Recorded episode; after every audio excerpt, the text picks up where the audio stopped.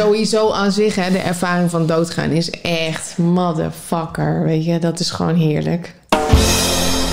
Wat zou dan de ideale vorm zijn om met elkaar te leven? Elkaar met rust laten. Ik wist heel goed dat ik doodging. Moet het Ik allemaal- voel Ja. zoveel en er gebeurt zoveel in mijn lichaam. En ik heb helemaal geen idee wat er met me gebeurt. Het lijkt alsof het me helemaal overneemt. En ik heb mezelf niet meer in de hand. En het is zoveel. En het is angstig. En het is explosief. En, en ik ben bang van mezelf. Dus dan worden mijn ouders ook bang van mij. Ga weg, weet je wel. En ik smijt alles. Wat is dit? En dat is zo beangstigend. En in één keer werd het gewoon helemaal zwart voor mijn ogen. En ik als ziener ik zeg, ik word gewoon niet goed, ik moet kotsen.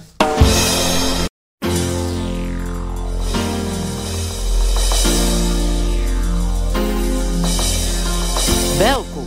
Dit is de podcast To Master Your Life nummer 190. Een dieptegesprek met Marieke van Meijeren. Bewustzijn in een hogere dimensie. Mijn naam is Vilna van Betten.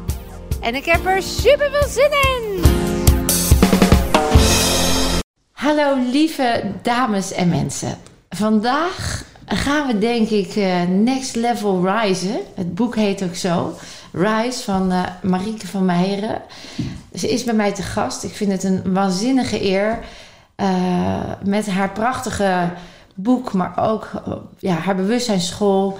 brengt ze me- mensen in het pure bewustzijn.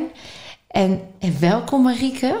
Dankjewel. Super fijn dat je er bent. Ehm, ik las even zo tussen de regels door. Het is er maar eentje hoor. Een leven dat zelfs de dood overstijgt. Ja, Dat is natuurlijk wel de ultieme aanvaarding van de vergankelijkheid. ja, En detached zijn met alles wat er is. ja. En uiteindelijk ook, het is, eh, ja, het is, het is eigenlijk waar alles om draait. Ja, Welke motor zitten we, weet je wel? Gaat het om het leven of gaan we om het dood? En de meeste mensen zijn heel onbewust, heel diep onbewust, eigenlijk bezig met steeds het beheersen van of het overheersen van. Als ik maar niet, hè, als we maar niet doodgaan. ja die doodsangst. de doodsangst. De dualiteit en het, het, het, alsof het een beter is dan het ander. Alsof leven beter is dan dood. Ja, En daarin dus ook dat we de, polari de, polaris de polariteiten als dualiteit gaan zien. Iets is goed of slecht, of eh, beter of slechter. ja, Jij zegt dus, hè, dat is iets, echt een mooie, mooie missie. Rise eh, staat dus ook voor dit stuk volgens mij. Dat je in een leven komt, dat je eigenlijk loskomt van alles waarvan je dacht dat het je identiteit was. Of waarin dat jouw zin betekenis geeft. Maar gewoon echt in je pure wezen. ja. En ehm, dat. En vooral, eh, ge- vooral zeg maar een soort enorme klik te hebben van ehm, een goed gevoel van nederigheid. En eh, dankbaarheid. Een goed gevoel van bezieling hebben op een dag. Ja. Dat, Ja, ja. Bezieling, het is een mooi woord. Gaan we ervan uit dat onze ziel, als we hè, ziel hebben, dat is dus waar jij dan ook van uitgaat. Ja, Dat is een weten voor jou, want jij hebt ook die ervaring. ja, Misschien even leuk om dat ook te vertellen als mensen jou nog niet kennen. En bezieling op een dag, dankbaarheid en nederigheid. Dat zijn drie ingrediënten die voor jou het leven aanwezig zijn. aanwezig maken. Jouw ja, aanwezig- maar ja, meer dat die elementen verweven zijn in mijn aanwezigheid. Het is niet iets waar mijn hersenen mee bezig zijn op een dag. Het is iets, geloof ik, van ehm, waar je zo diep van doordrongen bent, uiteindelijk. Zit want het is natuurlijk voor heel ja. veel mensen is dat een proces. Maar het is een diepe doordrongenheid van het leven zelf. Dat je dat, dat je dat kan ervaren en voelen als je 's ochtends vroeg wakker wordt. Ja, Weet je, het wonderbaarlijke van jeetje man, ik heb weer een dag. ja, En, en dat, dat van jeetje, ik heb weer een dag. Dat, dat, is, dat is natuurlijk een ontzettende verlossing. Want dan maakt het het heel simpel Oh. en heel helder, ja. zo'n dag. Mits, als ik naar mezelf kijk, eh, ik ben toen ik negen was eh, door een ruit gevallen. En eh, toen heb ik een slagadelijke bloeding gehad. Ik kreeg een stuk glas van 8 bij 11 centimeter in mijn keel. Je ziet het litteken. Oh ja. En waarvan er maar heel weinig uitstak. Dus dat was echt wel goed mis. Ehm, en ik heb doodsangst gehad op dat moment. Ik dacht dat ik dood ging. En ik was heel bang dat ik dood zou gaan. En voor jou even mooi om te weten dat daarvoor ik als jong meisje altijd enorme heimwee heb gehad. Niet een beetje, maar echt extreem. Ik durfde gewoon nergens anders te slapen. Als, of het nou oma was wat veilig was. Of het was gewoon echt, echt tot mijn zeventiende heb ik dat gehad. Nu later begrijp ik wat het was. Nu later snap ik het, zie ik het. Maar in, die, ehm, in dat moment toen ik negen was, dacht ik echt, ik, ik ga dood. En alles in mij vocht er tegen toen. En ik ben eh, op de intensive care gekomen. Ik ben, ik ben natuurlijk gered, hè, want ik zit hier nog. En ik weet dat ik, uh, dat het onbewust gegaan door Marieke, met alles achteraf natuurlijk, hè, met, met zingeving en het reflecteren en bezielen en terugvoelen. Ik heb ook een hele tijd dus levensangst gehad. In de zin van bijna een kramp. Ik moet alles uit het leven halen, want het kan morgen over zijn. Oh ja. Dus er kwam een soort kramp op. Niet bewust, want dat had ik niet in de gaten. Dat kwam pas later, dat ik in de controle en de bewijsdrang en allemaal dat soort stukken schoot. Eh, omdat ik dacht, ja, maar morgen kan het over zijn. Dus ik was in die angst gefreezed, zou je kunnen zeggen. Ik heb niet de ervaring mogen hebben die jij hebt mogen hebben. Dat ik wist dat het goed was als het zou gaan. Want die heb jij gehad, hè? Oh, dat raakt je ook. Ja. Ik- Ja. Ja. Ja, want dat was een heel. ehm, ik, was, ik, ik ben gewoon in die angst gebleven. Ik heb echt gedacht, ik, ik wil nog niet gaan. Ik was dus nog attached aan alles wat misschien wel. Terwijl het gekke was, toen ik als babytje in de buik van mama lag, heb ik mijn led op het laatste moment omgedraaid. Later heb ik gehoord dat ik een van de tweeling was. En mijn broertje is dus eerder gegaan. Heb ik ook gevoeld trouwens, niet alleen gehoord, dat heb ik gevoeld. En daar heb ik enorme heimwee naar terug gehad. En ik heb dus vlak voor de geboorte mezelf eh, omgedraaid. Navelstreng om mijn nek gekregen. Ik ben paars ter wereld gekomen. Ben ter wereld gekomen. Nooit gerealiseerd wat een heftigheid dat al is geweest. Eh, en met mijn negende dus bijna weer een poging gedaan, zou je kunnen zeggen. Om over te gaan. En zo heb ik nog wel een paar ervaringen dat ik denk... Goh, het lijkt of er een dieper verlangen in mij was om terug te gaan naar huis. Maar iets me ook hier hield. En ik heb dus niet die ervaring gehad in al die momenten, althans niet bewust. Van hoe mooi het. eh, terwijl ik wel een verlangen had. Bijna paradoxaal, hè? Ja, dan heb je nu nog steeds dat verlangen. Helemaal niet. Ik, ik zit wel erg in de aanvaarding. En ik vind het ook oké als, het, als het er niet is hier. Dus ik zit niet meer in die levensangst en die doodsangst. Dat is echt, daar heb ik heel erg mooi eh, mogen helen. En mezelf in ontmoet. En ehm, rust opgekomen. Dus dat vind ik zo'n verademing, zo'n bevrijding. Ik was ook heel jong, heel bang voor de dood. Ik weet dat ik toen voor de klas stond. Toen was ik net, echt net leraar, lerares. En dat er een meisje van negen, dat is ook wel weer interessant, onder de vrachtwagen aangereden was en die overleed. En we moesten de op, opbouw, mocht, met, met het las mochten we naar de opbaring. En ik was de juf, hè? Ik, ik was 22 of zo, of 23. En ik moest eh, aan de kinderen laten zien, ja, dood hoort erbij. Dood hoort erbij en het is oké. ru- En ik moest natuurlijk ook die kracht uitstralen, vond ik. En tegelijkertijd heb ik ook die kwetsbaarheid van mezelf toen laten zien aan de groep. Van ja, ik, die opbouw, ik vond het echt heel eng. Om iets wat dood was aan, aan in de ogen te kijken. En eh, dat soort momenten hebben mij wel geholpen. Hè, Annika, dat meisje, heeft mij wel geholpen. Om in aanvaarding te komen. En wat raakt je dan nu als je het erover hebt? Want ik zie aan je dat het je, ra eh, je raakt, je wordt geëmotioneerd. Ook als je praat over van, ik heb dat niet meegemaakt. Ik heb dat niet meegemaakt. Alsof het een verlangen misschien was. Ja, nu hè, we zitten nu hier. Dus ik bedoel, het raakt je nu. Dus het, Mhm. eh, ik kan dat helemaal waarnemen. Ja. Dus ik kan wel zo meteen over mijn ding praten. Ja. Maar ja, sowieso. Mooie vraag. Ik, ja. Misschien toch de. Wat, ik, wat, wat me raakt is dat ik nu als ik nu terugvoel, ervaar dat ik, dat ik heel dankbaar ben dat mijn reis op deze manier is gegaan zoals het is gegaan. Misschien was het voor mij nog niet nodig om meteen te weten dat het goed was, waardoor ik ook nu het werk kan doen wat ik doe, waardoor ik me ook kan identificeren met angsten, waardoor ik me ook kan identificeren met alles wat ook 3D is of attached is. Maar waarom klik je er nu uit dan? Waar klik ik uit? Nou, nu klik je uit dat gevoel. Dus ik stel jou een vraag en dan klik je eruit. Klik. Mm, ik voel niet dat ik uit het gevoel. Ik voel heel erg een soort dankbaarheid over me heen komen. Ik weet niet wat voor gevoel jij dan bedoelt. Nou, dat- je... Ik vraag naar een vraag. Er gebeurt van alles. Mhm. En dan, en dan ga je er nu heen. En dan... Ja, dan dat voel ik- gewoon... Dat ik uitzoom. Of Ja. zo. Nou, niet bewust. Dus als ik daar nu op inzoom, dan ehm, voel ik niet nog, maar misschien eh, dat ik daar nog niet bewust naartoe kan, dat ik uitzoom. Ik voel inderdaad, als ik terugga in dat, in dat gevoel wat ik toen in die auto had op weg naar het ziekenhuis, echt die doodsangst, echt dat diepe, diepe. Ik zei het ook tegen mijn vader: ik ga toch niet dood, ik ga toch niet dood. Eh, en in het ziekenhuis werd er een, eh, een bandage omheen gedaan. Het glas werd uitgehaald, een bandage eromheen. En elke keer als ik slikte, dan voelde ik het gutsen. En, en weer die doodsangst, alsof ik het leven zou laten.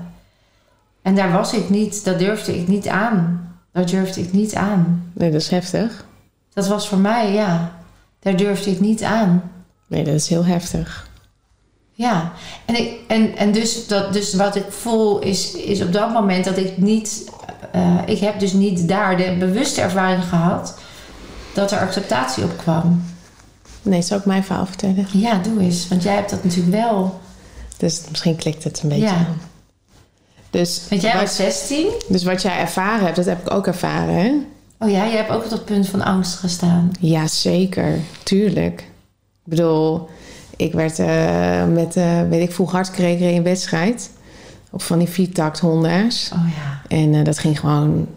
Ja, dat ging gewoon zo snel. En ik klapte tegen een lantaarnpaal aan. En mijn, mijn motor die reed eh, er langs. En ik had hem helemaal gepakt met mijn lichaam. Dus ik had eh, acuut blinde... ehm, inwendige bloedingen. Mijn ribbenkast was ingeklapt. Mijn arm was verbrijzeld. Ja, er was gewoon niet zoveel meer van over. En toen heb ik mijn eerste BDE gehad. In Dus, dat moment Ja, al? in dat moment heb ik mijn eerste... Want Ik heb, je, lag, je lag natuurlijk helemaal uit te gaan daar. naast- Nee, ik was helder. En toen heb ik mijn eerste. eh, Ik, ben, ik heb mezelf dus niet verlaten. En dat is denk ik een groot verschil. Of een groot verschil is. hè, met het verhaal van je man ook. Ja. Ehm, ik ben. Ik, ergens in mij. In mijn systeem zit een soort helderheid van aanwezigheid. Dus ik ben, ik ben in die helderheid, in die aanwezigheid gebleven. En ehm, ben niet weg gaan rennen of iets gaan doen. Eh, Dat mijn eerste BDE was een beetje zacht. Beetje alles werd licht. Wit licht en eh, de grond eh, alsof ik in een warm matras... eh, alsof alles warm was en me zo omhulde. Alsof ik helemaal in de aarde verdween. Dat was de eerste. En dat was eigenlijk zo snel voorbij. Omdat, ik, omdat er allemaal ambulances kwamen. En ehm, ik kreeg bloedtransfusie. Door de bloedtransfusie kwam ik weer terug. ja, het is heel aards natuurlijk. En, en dan hè, vergelijkbaar met jouw verhaal. Ik bedoel, je weet, je, weet, je weet het. Ik wist heel goed dat ik dood ging. En er was ook een eh, man met een man met de witte haar en de ronde bril. En, eh, en ik hoorde het ook. Ja, het is nog niet zo ver, maar het komt eraan. Weet je, dus er wa- waren ontzettend veel verschillende dimensies Ja.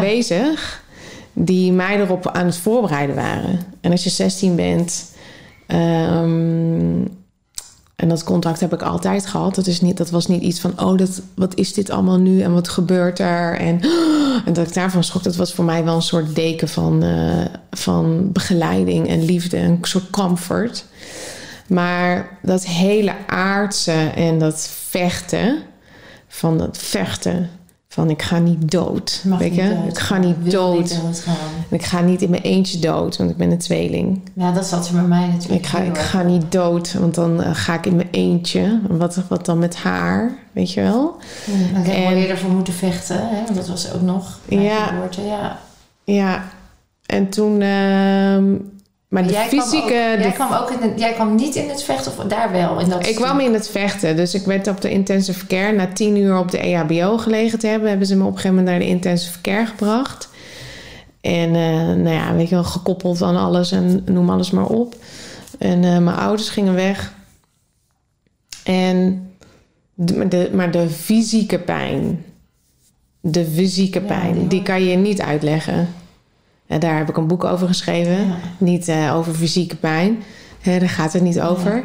Maar de fysieke pijn uitleggen aan een persoon is zo alsof ik het over een kop thee ga hebben versus een glas leeg glas met water. Ja. Het komt gewoon niet over. Woorden schieten te kort. Weet je hoe je dat. Ja, omdat het een ervaring, een gevoel Het is. het is kan er als- geen woorden ja. aan geven. Het is zo. Het is zo.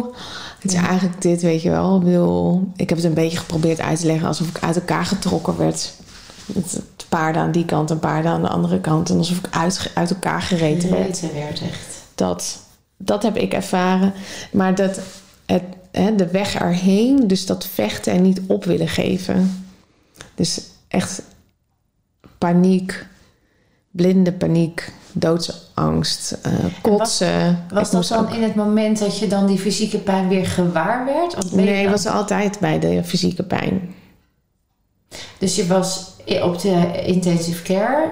Eh, daar heb je, want je had een BDE gehad in een soort lichtere vorm. Ja, Je bent hier gebleven, sirenes, alles. Je werd weer even teruggetrokken, zou je kunnen zeggen. ja, Je kreeg een bloedtransfusie, dat is ook heel aards. Dat is ook weer hier terug, hè? Terug Ja. hier. Vervolgens lig je op de intensive care. En dan eh, kom je in een moment dat je enerzijds een aanwezigheid ervaart... en anderzijds die pijn.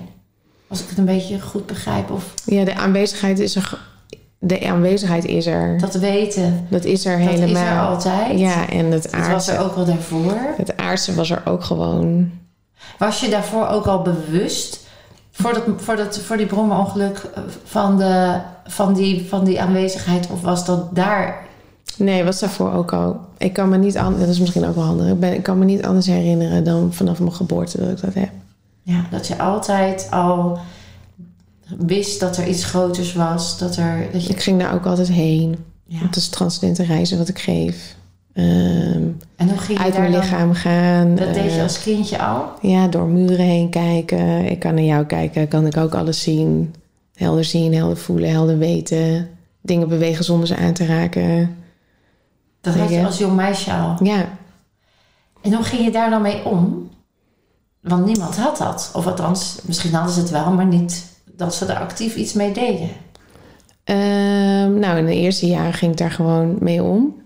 Gewoon, deed ik Ja, gewoon. jij wist natuurlijk niet beter dan dat het gewoon was. Ja, totdat op een gegeven moment je natuurlijk merkt als je aan de keukentafel zit dat Ja, dat niet niemand- helemaal eh, normaal is. Wat doe, wat doe ik? Wat zij niet kunnen? Ja. En eh, op school, weet je wel, dan kom je op school. Ik heb misschien een vriendinnetje, die had het misschien ook een beetje. Maar ja, dan... Oké, ja, en ik vond de wereld gewoon... eh Vreemd. vreemde wereld is Ja. dit, jongens. Weet je? Dat En dan ook ik. al die vragen stellen van... Ja, maar als ik dit nu ga doen... Dan ga ik later echt helemaal niks mee doen. Ja. Waarom moet ik dit dan nu gaan doen? Ja, of gewoon de, onbe, de, de, on, de onbezinnigheid van de dingen. Jij zag al, doorzag al de, de langere termijn doelen. Je doorzag al, dat herken ik ook. Dat had ik als meisje heel sterk. Dat je ook dat soort vragen kon stellen. En dan Ja. ook heel eh, bijna onbenullige antwoorden kon krijgen. Die helemaal niet omvattend waren. Maar voor hun dan een reden om... Ja, dus gewoon omdat het zo werkt. Of het is omdat het lekker is. Of omdat weet whatever. Ja, Dat jij dan dacht, ja maar serieus. Je gaat er misschien wel... eh, eh, het is slechter voor je. Of je wordt... Hè, dat. En dan werd dat niet gezien of niet... Er, ja, jij had dat dus al. ja, En dat, eh, maar dat verplaatsen van dingen en dat je daar dus, voor jou was het normaal en dat je dus door mensen heen kon kijken, ehm, dat is wel echt wel heel diep bewustzijn en een heel andere dimensie waar je dan vanuit waarneemt. ja. Dus dan ben jij hier ook echt met een bedoeling en misschien wist jij dat doel nog wel ergens ook. Nee, mijn doel is om te leven. Ja, en dan ondertussen dit te verspreiden, neem ik aan. Mm, ja, dat is wel een roeping, ja. Ja, dat maar dat ik, wist, roeping. dat wist ik daarvoor, wist ik dat niet hoor. Nee. nee daar was ik ook helemaal niet mee bezig. Nee, Nee. want je stapt op die brommer, bijna rebels. Je gaat een wedstrijd houden. Ja, Dus, Dus die aanwezigheid was er altijd al. En was dat dan ook een verlangen om terug te gaan naar die aanwezigheid, onbewust, als je terugkijkt? Nee, omdat ik, eh, omdat ik wist dat deze eraan zat te komen. Die had je al voorzien. Ja. En hoe wist je dat? Ehm, s ochtends vroeg. Met, eh, in, de middag is het gebeurd. Dus s ochtends vroeg werd ik wakker. Ja. En gewoon het goddelijke zei dat tegen mij. En wat zei het goddelijke? Interessant. ja, daar gaat, ehm, ik heb dat geschreven, maar volgens mij in de zin van er gaat iets onherroepelijks gebeuren. Of, eh, verlaat het huis niet. En toen heb ik een sigaretje opgestoken en toen ben ik toch weggegaan. Even rookgordijn En, opgetrokken. en toen, ehm, en toen ben ik gaan rijden. Toen hoorde ik het ook al een paar keer. Mijn lichaam voelde het ook al helemaal. Dus dat een vriendinnetje zat eerst bij mij achterop. En eh, net voordat ik dus eh, mijn ongeluk kreeg, ben ik gestopt. En toen heb ik tegen dat vriendinnetje gezegd: Beter dat je nu bij Willeke achterop gaat. En ehm, zij, is toen van, zij, bij mij, zij is toen van mijn motor afgegaan. Zij is toen bij Willeke achterop gegaan. En toen ben ik weggereden. En toen ehm, hebben we nog een rondje gedaan, want we deden de rondweg. En, ehm, en toen haalde ik ze in. En toen, en toen ging het mis. En dat, en, en dat ging ook heel snel. Hè? Dus want ik heb toen ook nog gedacht van... Ik moet gewoon gaan remmen. Ehm, maar dan slip ik en dan rijden zij over mij heen. Wauw. Dat kan niet. Dat kan niet. Als ik nu mijn rem, als ik nu probeer mijn wiel uit de weg te halen, dan slip ik ook. Dan rijden ze ook over me heen. Of dan moeten zij mij ontwijken, want ze rijden natuurlijk achter mij. Dan, gaan- zij mij ontwijken, kunnen ze onderuit glijden. Dat is ook geen goed idee. En het enige wat een goed idee was, was gewoon eh, mijn, rem, mijn, mijn gassen loslaten. En ik ben toen gaan zitten. Het was een buikschuiver. Dus dan lig je. Hè? Dus ik ben, gaan, ben gewoon gaan zitten. Ik heb mijn remmen, ik heb mijn gas losgelaten. En ik heb gewoon, eh, ik, wist gewoon, ik wist gewoon in alles dat die lantaarnpaal in de verte eh, mijn eindstation was. Helemaal rustig. Mijn hele lichaam was rustig. Net zoals een kindje die valt, weet je wel. Ja. Gewoon helemaal ontspannen. Gewoon helemaal rustig. En toen heb ik hem gewoon gepakt. Bam. klap geïncasseerd. Ja, ik heb hem gewoon genomen. En het was voor mij zo bekend. Het was voor mij bekend omdat ik het wist dat hij, was, dat hij zou komen. Het was het meest. Het was het meest hè, wat ik nu doe in mijn leven momenteel is ook het meest normale wat ik doe in mijn leven. En dat was ook het, me- het meest. Ja, dat is logisch. Het, het logische dat dat, dat dat er is. Het leek wel heel erg in het nu. Dat je gewoon echt alleen maar daar was wat het moment bracht. Ja, het is niet zo complex. Nee. Mensen maken het zo complex met allemaal die dingen. Maar leven vanuit een hoger bewustzijn is vrij simpel en overzichtelijk en heel Nou, helder. wat wel interessant is aan het hele verhaal, het is helemaal een interessant verhaal, laat ik dat even duidelijk voorop stellen. Wat we natuurlijk, als je het dan hebt over dat tijd dus ook slechts een illusie is en dat wij dat doen om de chaos een beetje te ordenen, is dus dat ja, in een, in een driedimensionale werkelijkheid is het misschien een split second, maar al die gedachten, al die opties die je af bent gegaan, die waren dus in de oneindige, ja, dat alsof het bijna. Het is een soort, wat ik meestal zeg ook met TR, als ik spreek en ik doe mijn dingen, dan is het dus, voor mij is het een soort eh, orkest wat ik aan het spelen ben. Zo voel ik me, een dirigent, gewoon een soortgene die viool speelt. Oh ja. Zo ervaar ik dat. Ja. Gewoon helemaal heerlijk. Gewoon Ja. en ik weet precies. En, dat, en, eh, en er is gewoon gevestigde vertrouwen van Mm.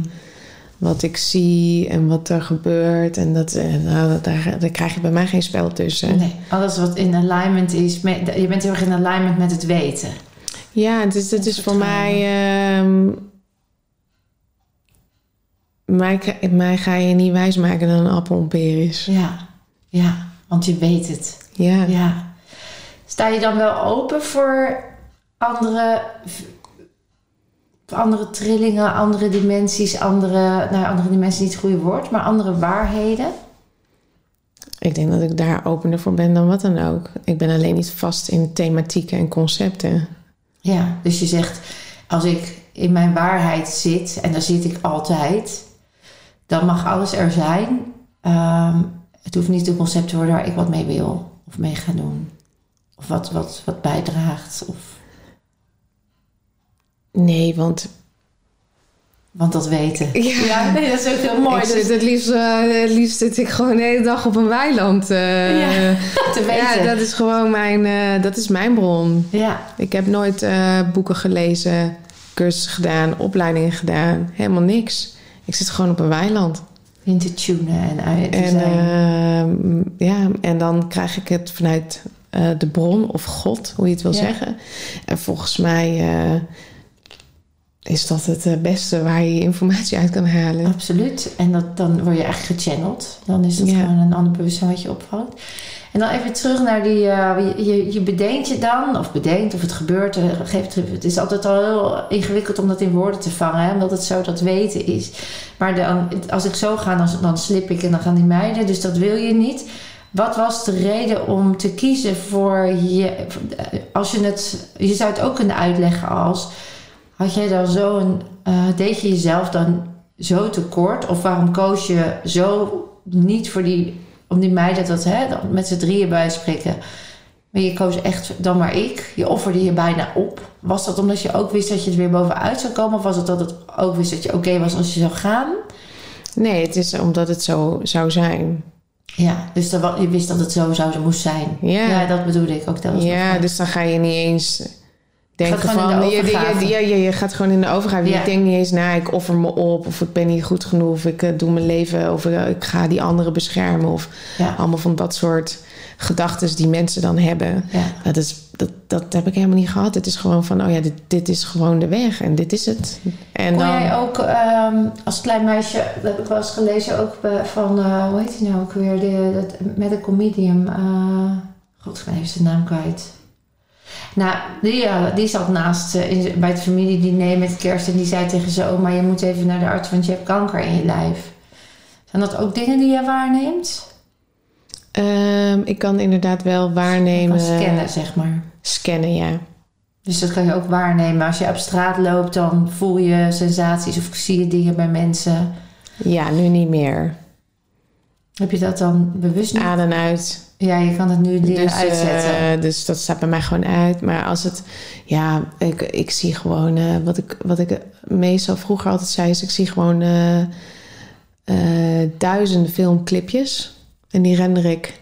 En dan uiteindelijk dan, is dat gewoon hetgene wat ik zie.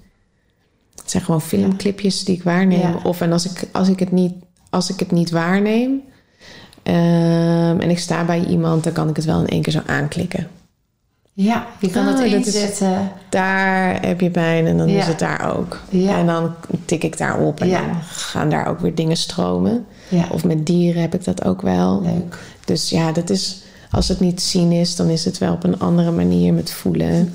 Een contactvorm, Ja. een waarneming. Ja, Ja. of via mijn eigen lichaam, dat kan ook. Dat is ook een andere vorm. Dus dan ervaar ik het door mijn eigen lichaam Mm. heen. Ja, die herken ik. En ja. dan voel ik in mijn eigen lichaam dingetjes. En dan denk ik, hé, hey, eh, Is dat even iets interessants Ja. voor jou, aandachtspuntje? hoe is het hier en hier? Mooi. Maar daar doe ik zelf nu, daar doe ik zelf eh, niks mee. Hm. Nee. Nee, dat is niet je main thing, zeg maar. Dat is er gewoon. En als het er een keer langskomt, is het prima. Maar je bent er niet dagelijks mee bezig. Nee, als Lee iets heeft of Wiggert en eh Wiggert en Lea vragen daarom, dan Tuurlijk. wil ik Dan- dat doen. ja. En bij eh, ons, onze poes was vorig jaar heel ziek. Ehm, die zat aan de antibiotica, maar die wilde steeds niet klikken. En toen heb ik gezegd, je moet van de antibiotica af. En dan, toen heb ik er twee avonden mee gezeten. En het, eh, En dan is hij weer helemaal lekker, dat weet is je. fijn, hè? Dus dan, Ja. dan, dan is het er. Maar voor de rest is dat niet mijn eh, hoogste goed om dat te praktiseren. Hm. Nee. Voel jij jezelf, eh, want we komen zo even terug op het moment dat je dus die fysieke pijn, want daar waren we even, hadden we even een, Ja. een haakje. Eh, voel jij jezelf gifted? Of voel jij dat, ehm, want het is interessant hè, ook als je in het zielsbewustzijn verdiept en het zielen, nou ja, de zielen die je de weg vinden hier. Wat maakt dat de een nog zo daar kan zijn, of in ieder geval in de aanwezigheid kan ervaren, en de ander nog helemaal niet? Heb je daar een idee bij? Wat is je vraag? Nou, jij kan dus heel erg de aanwezigheid ervaren. Je kan ehm, bijna multidimensionaal waarnemen. Je kan eh, in bewustzijnsniveau shiften. Eh, daar heb je eigenlijk niet zoveel voor hoeven doen. Je hebt er geen opleiding in gehad. Dat was er gewoon. En er zijn mensen die, die dit horen en of zien. En denken, nou, heb helemaal geen idee waar het over heeft. Want ik ben gewoon hier en nu. En ik heb dat niet. Enig idee hoe dat kan? Dat de een dat wel heeft en de ander dat niet heeft. Waarvoor dat nodig is. Geboren. Je wordt zo geboren. En ik geloof dat er verschillende frequentietjes zijn waar je mee geboren wordt. Je hebt een frequentie, ik heb een frequentie. Je wordt ermee geboren. Ik denk dat iedereen, ik geloof heel erg dat iedereen op een bepaald bewustzijnsniveau geboren wordt. En dan heeft het ermee te maken of je ehm, in mijn eigen taal de ballen hebt om je hart te blijven voelen. Want dan heb je in ieder geval ergens een, het diepste kernpunt van contact. Wat zorgt voor multi- multidimensionaliteit. Ja, Te kunnen behouden ergens. ja. Maar de meeste mensen, en vooral nu natuurlijk met eh, iPads, iPhones, televisieschermen. Zoom uit. Ja, Ja. is er gewoon zo weinig facilitatie en bewustzijn over zo'n verbondenheid Mm. of zo'n punt. Dus ja, weet je, mijn, eh, ik, ik, ik heb ook niet een opvoeding genoten die daar centraal om stond.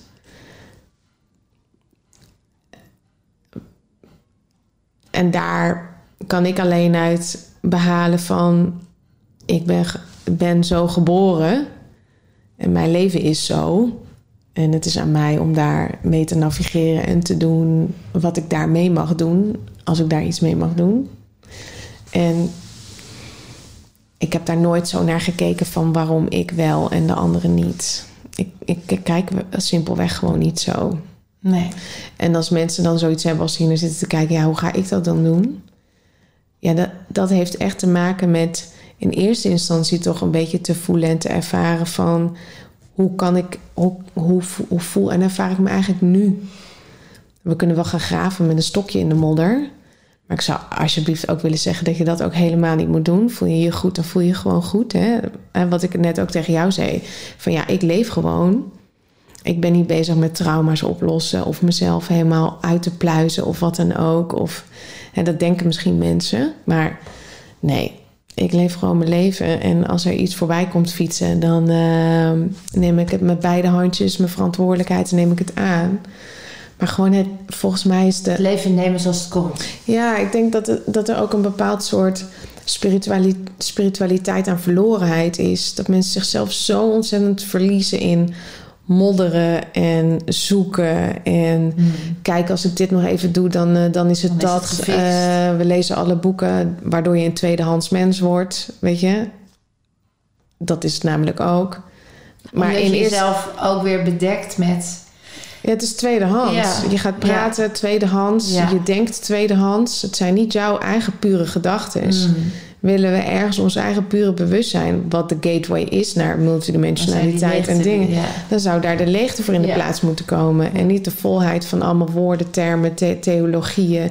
theosofieën, noem alles maar op, weet je wel. Mm.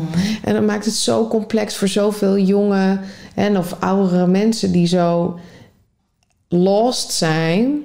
Die proberen zich daaraan vast te grijpen. Maar waarom grijp je je niet vast aan jezelf? Mm. Ja, Weet want je? daar liggen alle antwoorden. Ja, ru- rust. Blijf, blijf gewoon rustig ademhalen. Ja. En morgenochtend worden we wakker en dan is er weer een nieuwe dag. Mm. En hoe gaan, we, hoe, gaan, hoe gaan we dan die dag in? Ja. En dan, eh, als je dan zegt, ik neem het leven zoals het komt, hè, waar ik ook op dat punt voel, is dat ehm, soms is dat ook juist voor sommige mensen zo'n vindtocht of zoektocht, of noem het maar, is dan eerst nodig om te ontdekken dat die waarheid eronder lag. Hè? Dus ook dat is dan weer het pad. Ja, je hebt verschillende niveaus van natuurlijk Precies. leren. Ja. En dan Eerst is dat ook le- oké. lezen en dingen. Ja. Krampachtig, hou alvast zoeken in boeken is dan misschien voor die persoon ja. wat komt. Ja. En jij had dat niet nodig, omdat jij al veel meer in die puurheid, in die waarheid eh, kon zijn. Waarvoor anderen met een ander bewustzijn geboren, eh, dat dan eerste stap weer kan zijn om, eh, Ja. hè, om daar weer te komen. En vaak gebeurt dat dan ook, mits je natuurlijk daar attached aan raakt en denkt dat je alles maar moet fixen en alles maar moet, moet bezig moet zijn en het dan nooit vindt, want dan blijf je in dat stuk vasthangen. Dan is het Ja. inderdaad het level van bewustzijn kun je shiften. Ja. Kun je shiften. Dat die pijn, hè, want we hadden het nog even over, je hebt dus nog een bijna doodervaring gehad. ja, dat noem ik dan de echte. De echte. Oh ja, de andere was. Oh ja. Ik zei die andere is Ja, licht. die Die, was licht. licht. Dat was een. Dat was de eerste als dat, als dat dan de eerste was, dan, eh, dan had ik daar. Oh, dat was helemaal heerlijk, weet je wel? Ah, nou ja, dan, dan kan ik tegen iedereen zeggen: no worries, weet je wel? Ja, ja, ja, ja. ja. Sowieso aan zich, hè, de ervaring van doodgaan is echt motherfucker. Weet je, dat is gewoon heerlijk. En weet je hoeveel mensen ik heb gesproken die een bijna doodervaring hebben gehad, waar echt die daarna gewoon in de depressie zijn geraakt, omdat ze zo verlangden naar dat, Dat gevoel. dat- ja, die bliss, dat, dat, dat, dat. En ik had iemand, de, de meest heftige die ik heb ontmoet, er was een man die had zeven kinderen. En die zei, ja, die had gewoon een knieoperatie. Hè. Er was ook helemaal niks gevaarlijks of levensbedreigend aan. Deze man was ook altijd al heel erg in... Kijk, die kon ook echt zoveel dingen. Maar een hele bijzondere man. En eh, hij, hij, nou ja, het was, hij, vertelde, ja, ik had een knieoperatie. En ik kwam gewoon niet uit die narcose. Ah, En hij is dus in die... En hij hoorde zeg maar het roepen van de mensen. Van, hallo, kom eens terug, kom eens terug. Hij zegt, en ik, ik weet ook nog dat ik me echt wel bedacht... Ja, maar ik heb zeven kinderen. Dus ik heb alle reden om terug te gaan. Maar zei, het gevoel was zo overstijgend... ja. Dat het voor mij... Dat, was, dat is voor het aardse bijna niet te bevatten. Je kan dat ook niet beschrijven. Dan kan je het woord liefde aanhangen of licht. Maar dan, Ja, oké, want Ja. mensen kunnen ook maar liefde ervaren tot hoeverre ze open zijn om de liefde binnen te komen. Maar als, als ik hier nou binnen zou komen, ik zou mijn veld openklappen en ik zou even die liefde genereren hier, wat, we toen, of wat ik toen ervaar. Dan klap je gewoon tegen de muren en dan word je gewoon helemaal onpasselijk van. ja omdat Als- het als- bijna too much is. Ja, het is gewoon Hoeveel kan je aan? Hoeveel ja. kan je aan? En mensen kunnen niet zoveel aan. Dus het Ja. moet allemaal heel gemillimeter druppeltje voor druppeltje, weet je wel.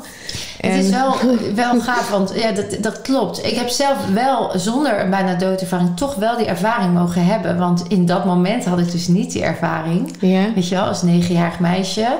En eh, later heb ik nog best wel wat ervaringen met de dood gehad om mijzelf daarin te leren eh, die vergankelijkheid te krijgen. En ik weet niet of het die ervaring is, maar ik geloof dat je niet een bijna doodervaring of een nabij doodervaring heet het geloof ik nu. Want ehm, ja. je bent ook wel echt, ja, ja. eh, dat, je dan, eh, dat je dan niet nodig hoeft te hebben om ook te kunnen shiften in het goddelijke. Mhm. Dat je gewoon op een gegeven moment weet en voelt dat het. Ik ben wel hier aards, maar we zijn echt, echt onderdeel van. En dat geeft zoveel rust. Dat ik geloof dat iedereen dat gevoel op. En het, het zal allemaal gradaties hebben, want gevoelens zijn altijd subjectief. Maar dat, dat in ieder geval de ervaring van de bliss. In ieder geval de ervaring van de vergankelijkheid, dat dat oké is. In ieder geval, je hebt alle tijd van de wereld. Weet je, dat gevoel, dat dat ook kan als je niet bijna dood bent. ja, ben ik deel mee eens, ben ik het deel ook niet mee eens. Nee, dat mag. Ja, dit is... Omdat, omdat ehm, jij hebt daar natuurlijk ook gezeten. Ja, Omdat je onbewust... Je zit op je stoel. Je ervaart bliss tot het nive- niveau jij aan kan. ja, dat is het. Eén. En twee, aan kan, ja. je weet dat je leeft. Je weet dat je niet in gevaar bent. Je Ja. weet dat je je verpakking hebt. Je weet dat je als je zo meteen uit die meditatie komt, je ogen weer open doet. En hier bent. En weer hier bent. Je weet dat je in een ruimte zit. Dus Ja. dat 3D, die ego, die zit zo verwrongen overal doorheen. Dus ik ben het daar niet mee eens. Ja, Dus wat nou als jij nou echt pijp uitgaat? ja. Ja, toch... Dan, dan, is dus, dan is er dus geen... Je komt niet terug. Het lichaam is dood. Ja, En door daarheen te gaan, dat is gewoon een, dat is gewoon een heel ander koekje wat uit de oven komt. ja. Terwijl het En wel dus- net zo bliss kan zijn, alleen die, ja, dat momentum van dat doodgaan waar jij het over hebt. Die... Ik denk ook niet dat dat zo bliss kan zijn. Nee, ja, ik weet ook niet wat... Ik heb geen vergelijk. Hè? Oh, maar ja. ik dat het bliss kan voelen... Het kan bliss voelen. Het is een ander het- koekje. Ja, Ander dus koekje. Het, het is een ander koekje. Ja, want nou, misschien, ja, toch voel ik, maar als ik, dat is hoe ik het nu ervaar, is dat ik juist door die bijna wel echt tegen de dood aangehangen te hebben, Eh, en die ervaring samen, zeg maar. Dat ik, ja, het heeft mij in ieder geval heel erg veel gebracht in. Maar heb je die ervaring daarna gehad? Ja. Of erin? Nou, daarin kan ik me dus niet meer herinneren. Ja. Dat weet ik niet. Misschien dat ik in, onder narcose lag en wel. Dat, dat weet ik gewoon echt niet. Dat vonden we net, dat vroeg ik, zei net, wat vind ik al een interessante vraag. Ja. Sommigen die wel ook bijna klinisch dood of tegenaan hangen, die kunnen het niet herinneren en anderen wel. Maar misschien dat het wel een herkenning was. Toen ik, weet je, want toen ik later wel echt in die ervaring mocht zijn. eh, en ik kan het nu regelmatig oproepen ook. Ehm, ik gebruik het. Weet je, het is er altijd of zo. Het is dus ook niet iets wat er niet is. Het is er altijd. Eh, wat mij dus enorm veel rust geeft en ruimte en aanvaarding. Dat, dat het misschien juist daardoor, omdat ik wel ook dat stuk heb gehad. Van die, wat jij ook net zo beschreef, van ik heb ook gevochten. Het maakt ook niet uit hoor. Het, het, het is niet, oh het hoort, het, of als het op een bepaalde manier hoort. Maar dat is meer hoe ik het ervaar nu in dit bewustzijn wat ik tot nu toe kan ervaren. Ja, ja. Ehm, en ik mag ook shiften in dimensies. En ik mag ook dingen waarnemen. Ik, ik heb niet wat jij zegt dat ik er doorheen kan kijken. Maar ik kan wel scannen. Ook mensen hun liggen. Ik kan ook voelen wat er dan wel of niet. Of waar blokkades liggen. Weet je zo. Eh, ik mag ook dingen binnenkrijgen. Ik mag ook woorden binnenkrijgen. Ook van overledenen. Waar ik dan mee kan contact maken en door kan geven. Dat had ik als klein meisje dus ook. Alleen ik ben er ook heel erg bang van geweest. Ja, ja. Ik ben er heel erg bang van geweest. En ik heb dat tot mijn, eh, totdat mijn zoontje, mijn middelste zoontje geboren werd. En die dus heel erg dat had. En ook heel sprak met, die zat echt te spelen met eh, allerlei eh, andere dimensies aan het. En op een gegeven moment ook s'nachts bezoek kreeg. En eh, weet je, dat ik dacht, oh ja. Toen ben ik eerst heel erg ook weer bang, in de angst geschoten. Maar dankzij hem en dankzij mezelf toen in die eh, in dat weten te storten van nee, maar ik ben gewoon hier en, licht is sterker dan donker en daarmee te gaan spelen. En ik zag dat ik invloed had. Eh, ook wel met mensen gaan praten die daar verstand van hadden. Kreeg, kwam ik steeds meer terug in, die, in dat weten en in dat grotere, krachtigere. Dat het onderdeel zijn van en dat alles oké is en zo. Dus allemaal dat soort ervaringen hebben mij steeds meer teruggebracht naar, naar waar ik in puurheid ook voel dat ik mag zijn. Natuurlijk lukt het ook nog niet altijd, maar het is er wel. Mooi. Ja. Jij had het over die, die, die pijn, die enorme, ehm, die fysieke pijn die je maar niet kan beschrijven. Was dat het moment van je tweede bijna doodervaring? Nee, dat was de derde nacht. Eh, toen ging een orgaan verder open. Wauw. En eh, Weet je ook nog welk orgaan? Dat, mijn mild dat is eerst wat ik voelde, ja. en mijn alvleesklier. En, eh, en ik gaf, nou, ik denk om de paar minuten over. Maar ja, dat, dat is bijna niet te doen. En eh, ik weet nog wel het zweten en dat hele... Nee, dat... En toen kwam een arts midden in de nacht. En die zei, ja, we moeten je even neerzetten alsof je zit. We moeten foto's maken van je middenrif en je buik... om te kijken of we acuut moeten opereren. En ik weet nog dat ik zei, als je me nu neer gaat zetten... alsof ik op een stoel zit, dan ga ik dood. Wauw. En, eh, en de zusters waren er ook. En dan moesten ze natuurlijk op die knop drukken van mijn bed... om dat ding naar boven te brengen. En toen ben ik dood gegaan. Dus dat was echt alsof dat, dat, dat zo omhoog... en dan klapte alles helemaal in elkaar. Is- ik weet nog dat het zweet gewoon helemaal langs mijn gezicht druppelde. En dat, er gewoon, dat ik moest huilen, gewoon, maar dan Ja. stil. En, ehm, Intens. Ehm, en ik kon hem ook nog wel zien, de arts, want die stond dan daar met allemaal apparatuur. En toen kwam de man met de witte haren en de ronde bril. En ik weet nog dat ik tegen hem dan telepathisch zei: Hé, hé, je bent er eindelijk. Weet je wel, what took you so long, motherfucker? en, en toen ging, de, ging dat bed gewoon omhoog.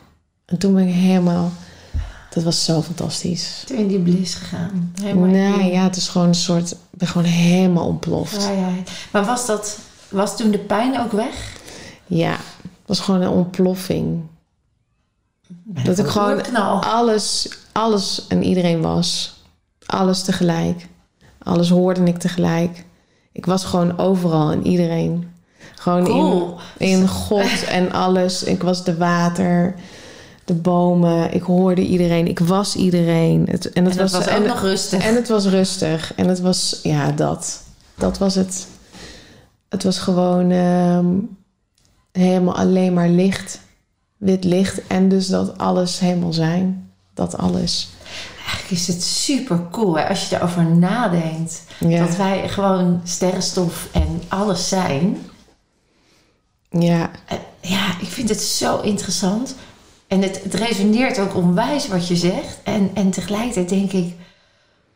Hoe boeiend is het eigenlijk dat wij dan hier in een soort vernauwde bewustzijnsstaat zitten? Je vraagt je bijna af voor welk doel als we daar dat hebben. Ja, om hier te leven. Ja, te leven. Ja, Ja, dat Of is het gewoon. Ja, het is gewoon ook een soort vorm die dan zich aandient. Nou, het is gewoon, eh, bewustzijn wil zich ervaren. Dat is het, hè? Elke ervaring meenemen. Ja, door bewustzijn en het willen ervaren, kunnen wij contrasten waarnemen. En doordat we die contrasten kunnen waarnemen, ervaren wij het leven. Ja, en Is dat het- is wat het is. Ja, is het niet zo dat, eh oh, hoe heet die, eh, Stephen Hawkins, die heeft toch ook die, eh, even goed terug, maar dat, de, de- over het zwarte gat en zo. En dan, Ja. ja, toch? Dat daar Ja. ook, dat het, het, het, het- daar zit ook nog expansie in. Dus, maar het, het, het, is, het is alleen maar expansie. Toch? Het, Ja, hè? hele, het hele, het zwarte gat, maar eigenlijk het zwarte gat zit weer in een, in een galaxy. En die galaxy zit ook weer helemaal in een planetair bewustzijn. Dus het is eigenlijk alleen maar in één grote uitdijende, expansiële ervaring van bewustzijn. En dan zijn al deze ervaringen Zijn minuscuul. Ja, een minuscuul en nodig om daar die expansie. Dus de, eigenlijk, wij zijn micro, microniveau op wat er macroniveau gewoon hetzelfde, op dezelfde manier gebeurt. Ja, Hoe cool is dat eigenlijk? ja. En hoe kijk jij dan aan tegen, want dan, zou, dan, dan zijn we dus oneindig. Ja, Hè? Dan zijn we oneindig. En dan, eh, er zit ook een expansiedrift in ons. En die expansiedrift is toch eh, in harmonie te zijn. En daarin te groeien. Hè? Groeien, harmonie. Het donker vinden we spannend. eh, vaak eng. Ook aangeleerd. Aangele- aange- aangeleerd is dat ook voor een deel. Want zonder donker geen licht en andersom. Hoe, hoe kijk je aan tegen... ehm, hoe zou jij vinden dat wij als mens... Jij hebt natuurlijk ook een mooi dochtertje... eh, daarin mogen leren. Want we zijn ook lerende wezens. Want we willen expanderen. ja. Wat zijn je vraag dan, mijn dochtertje? Hoe, ja, je dochtertje, het onderwijs, de kinderen. Hoe zou je er als mens die geboren wordt in dit bewustzijn...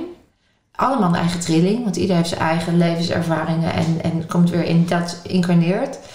Hoe zie je dat dan?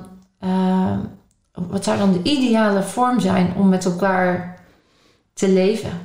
Elkaar met rust laten. In de zin van Elkaar met rust laten. Helemaal geen. Oh ja, oh ja, maar daar heb je natuurlijk meerdere gradaties in. Maar ja, dus bijvoorbeeld mijn dochter, die laat ik met rust. Dus zij is aan het spelen, zij speelt. Ik ben aan het koken. Mam, mag ik meedoen? Ja, je mag meedoen. Weet je wel, mama, wil je met me spelen? Nee, hoeft niet. Ik ben geen kind. Ik speel wel hoor met haar. Schommelen en dat soort dingen. Maar poppen spelen en dat soort dingen, dat doe ik niet. Ben ik niet voor. Mm. Ehm, naar haar kijken en allemaal denken van... oh, ik moet haar begeleiden en dat soort dingen. Alsof jij meerdere bent dan zij. Dat, Ja, was, dat, is, dat, dat- dat, dat- dat is dat- wat je zegt. en Dat, moeten we stoppen. Dat is schadelijk. Het is gewoon met, met rust laten. Ja. Met rust laten geef je ruimte. En in ruimte kan alleen maar expansie plaatsvinden. ja. Dus je En- zegt, alles is er wat er is. En je kan gewoon ook alles, radicale eerlijkheid. Ja, en als Lee eh, bijvoorbeeld laatst was met Lee... ehm, zat ze bij me achter in de auto. Nee we, zaten, nee, we waren in de speeltuin. Dat was de eerste keer. We waren in de speeltuin. Lee is vier. Was toen vier, is nu vijf. En eh, ze zat te schommelen. En ze zegt, hé hey mama, als ik mijn ogen dicht doe... en ik doe ze dan weer open... en dan is alles helemaal blauw. ben ik dan ook blauw? Nee, jij bent dan niet blauw. De speeltuin is helemaal blauw en de huizen zijn blauw. Oh ja, oké. En wanneer heb je dat dan? Heb je dat alleen in de speeltuin of Is dat altijd? is het er altijd? Ja, ik heb het ook wel in huis hoor, of ook in de klas. Ja, heeft met de zon te maken. Oh, nice. Ja. Ja, oké, nice. En eh, ja. Hebben andere kinderen dan ook dat ze blauw zien? Nee. Oh ja, oké. Nou, als je het met mama erover wil hebben, dan weet je me te vinden, hè? Mama ziet niet blauw, maar mama ziet wel heel veel. En weet je wat? Mama vindt niks gek. Hup, verder schommelen. Ja. Laat elkaar met rust. Don't make it an issue. Don't make it so fucking ja. big. Ja, if you make it an issue, it's gonna be one. Ja, maar ook gewoon Ja. het zo groots, Ja. grotesk maken van al die Ja. kindjes. Mijn kindje heeft HSP, mijn kindje is hooggevoelig, Ja. mijn kindje is hoog intuïtief. Het is echt... En dan zit ik daar naar te luisteren en dan denk ik... Oh, oh, oh, oh, oh. Weet je, laat je kind met rust. Ja, Ja, laat het kind zijn. en Ja, de enige, dat- de enige die wat te leren heeft daardoor... door het bewustzijn waardoor jij praat... en de woorden die je gebruikt met de energie eraan gekoppeld... is de enige die er wat te leren heeft. Dus dat ben jij, Ja, weet het is de spiegel van jouw ziel. Dus ik bedoel, weet je wel, stop it. Ja, Dat- dat- Stop je eigen normen en waarden op te leggen op je kind. Dat hoort je eigenlijk zeggen. Je eigen waarheid. Ja. Laat een kind zijn eigen waarheid ontdekken. ja, en daarin is dus ruimte, weet je. Lady Ja. komt van... en, en dus vertrouwen. En dat vertrouwen is niet iets wat we... Hè, dat vertrouwen is er gewoon. Leef voelt, voelt de ruimte en de veiligheid en de vertrouwen om Ja. ja, over te gaan hebben als zij het erover wil gaan hebben. En, en ik, als ik een keer een vraag heb voor Lee, dan zeg ik: Hé hey Lee, mag ik even wat vragen over die blauwe kleur? En zij zegt: Ja, ja, is goed. Dan heb ik een vraag voor haar. Zegt zij: Nou, heb ik even nu geen zin of ze gaat verder met. eh, Ja, dan is dat ook oké. Dan is het ook oké, weet je wel. Het is, Ja. ehm, weet je, dus als dat kind, eh, want ik, ik, kijk, ik kijk er helemaal zo naar. En eh, liefde geef je natuurlijk met laat het kind met rust. Je bedoelt, laat het kind gewoon zijn in de, in de ontwikkeling die het zich aandient. Ja, Ehm, en stimuleer dat en, en laat het en respecteer dat. Hè? Dat is eigenlijk wat ik je hoor zeggen. Want je laat natuurlijk niet altijd je kind met rust. Je gaat ook lekker knuffelen. Je gaat ook. ja Hè, toch, daar, daar daarom. heb ik het helemaal Nee, niet nee, over. maar met rust Maar laat met rust laten Ja, is ja, bijvoorbeeld ook, weet je, Laat het kind zijn. ehm, s ochtends vroeg al 25 vragen stellen aan je kind. Ja. Eh, wat wil je aan? Wat wil je eten? Eh, dan hebben we het over eh, bevelen en commanderen. Kom, we moeten nu Ik wel voel- snel naar school. Ja. We moeten dit, dit, Ja, je dit. eigen En moeten. Je, je moet hobby's doen. We gaan nu paardrijden. Minimaal drie keer drie muzieklessen en twee keer sport. Want dan hoor je erbij. Ja, en, je moet als ouder zijnde ook je kind entertainen, weet je wel. Dus, dus dat is zeg maar het ding met rust laten. ja, je Met- stimuleert de eigen groei. Ja? De, de- de- Maria Montessori zei het als een mooi leer mij het zelf te doen. ja. Jij bent er en daarin bied je een veilige context waarin iemand kan ontwikkelen. ja. Eh, nou zijn natuurlijk ook heel veel ouders die, waarvan ik me kan voorstellen die, eh, die luisteren of kijken en die denken, ja, dat is makkelijk gezegd, maar mijn kind eh, kan zich, die is altijd in driftbuien of die heeft enorme onhandelbare eh, manier van gedragen, eh, wat, waar natuurlijk een behoefte onder ligt. Ja, ik zeg altijd, begin bij jezelf als ouder. Hè, dat is al interessant. Want eh, inderdaad, ben je inderdaad je normen en de waarden van jezelf op je kind aan het projecteren. Waardoor het kind niet kan zijn, waardoor die driftbuien nodig zijn. Want die wil daaruit, die wil rebelleren. Ehm, maar dat je dat gewoon als ouder nog niet ziet. Omdat je die mate van zelfreflectie nog niet voelt. Of omdat je niet gelooft dat een kind geïncarnatie is met nog oud karma of oude die mogelijk langskomt. Omdat je als ouder geen raad weet met zoiets. Hè? Want dan moet wel gewoon naar school. Je moet wel gewoon naar even praktisch. Je kan je als zeggen, nou dan ga ik het helemaal omgooien. Dan ga ik niet meer naar school. Dat zou de grootste verantwoordelijkheid zijn. Dan ga ik niet meer, dan ga ik het anders doen. Maar stel ze daar nog niet zijn. Hè? Want iedereen heeft zijn eigen bewustzijn. Zover waren we. Het is heel mooi als je zo vrij kan denken. En zo in die vrijheid al kan stappen. En dat ook kan uitvoeren. Ondertussen zitten er misschien nog allemaal programma's tussen die daar nog, waardoor het zich aandient waar jij mag bevrijd mag worden nog. Wat zou je daar dan tegen willen zeggen? Heb je daar nog een goede tip voor? Laat het kindje niet alleen in zijn gevoel. Ja, je, we zijn zo... eh, mensen zijn zo getraind in het kijken naar... oh, dit is verkeerd. Of oh jee, daar gaat ze weer. Of weet je wel, een driftbui. Of er slaat het kindje. Of eh, er gebeuren allemaal dingen. Weet je, dat, eh, dat is er. ja, En wat we dan doen is, ehm, oké, bijvoorbeeld, ehm, ik zie echt dat je nu boos bent of ik zie dat je geraakt bent. En je wil niet bij mama zijn en ik zie dat je nu slaat. Maar mama gaat je nu vasthouden. Want ik ben degene die verantwoordelijk is voor het vrijstellen van jouw lichaam en van mama haar lichaam. En we gaan dit gewoon samen doen. Ik ben bij je. Ja. Nou, en is het dat te overprikkeld of te stressvol om daar tegen te praten of het vast te houden? Dan zeg je één keer de zin: Ik ben bij je, we doen dit samen. En dan hou je op met praten. En dan ben je in de ruimte. Dat het kindje gewoon door de gevoelens heen kan bewegen. Want het Ja. enige wat het kindje zegt is eigenlijk van 0 tot en met 9. Ik moet het Ik allemaal- voel Ja. zoveel en er gebeurt zoveel in mijn lichaam. En ik heb helemaal geen idee wat er met me gebeurt. Het lijkt alsof het me helemaal overneemt. En ik heb mezelf niet meer in de hand. En het is zoveel. En het is angstig. En het is explosief. En, en ik ben bang van mezelf. Dus dan worden mijn ouders ook bang van mij. Ga weg, weet je wel. En ik smijt alles. Wat is dit? En dat is zo beangstigend. En dan gaan de ouders kijken wat de fuck gebeurt hier. Waar- Waardoor het kind dat ook weer voelt. Of je blijft daar rustig zitten en je zegt... Ik zie echt dat je upset bent. Ik ben er voor je. Mama gaat niet weg. Ja, mama, laat jou, Ik hoor mama, mama laat jou niet alleen. Ja. Mama laat jou niet alleen. En ik heb het met Lee ook wel eens één keer gehad. Dan renden ze naar de slaapkamer, gingen ze onder de deken liggen. En het was alles gewoon te veel. Het enige wat ik gedaan heb is zitten naast haar bedje en ehm, gezegd: Mama is hier. Ze is ook: Ga weg. En, ehm, en dan niet meer erop ingaan. Ze voelt toch wel dat ik er ben. Weet je wel? Ja. En gewoon maar zo laten gaan. En na een paar minuutjes of een minuutje is het al over. En het enige wat ik op een gegeven moment gedaan heb... is onder het dekentje een vingertje gevoeld. Dat kon, dat kon ze hebben. Toen heb ik van een vingertje heb ik een hand gemaakt.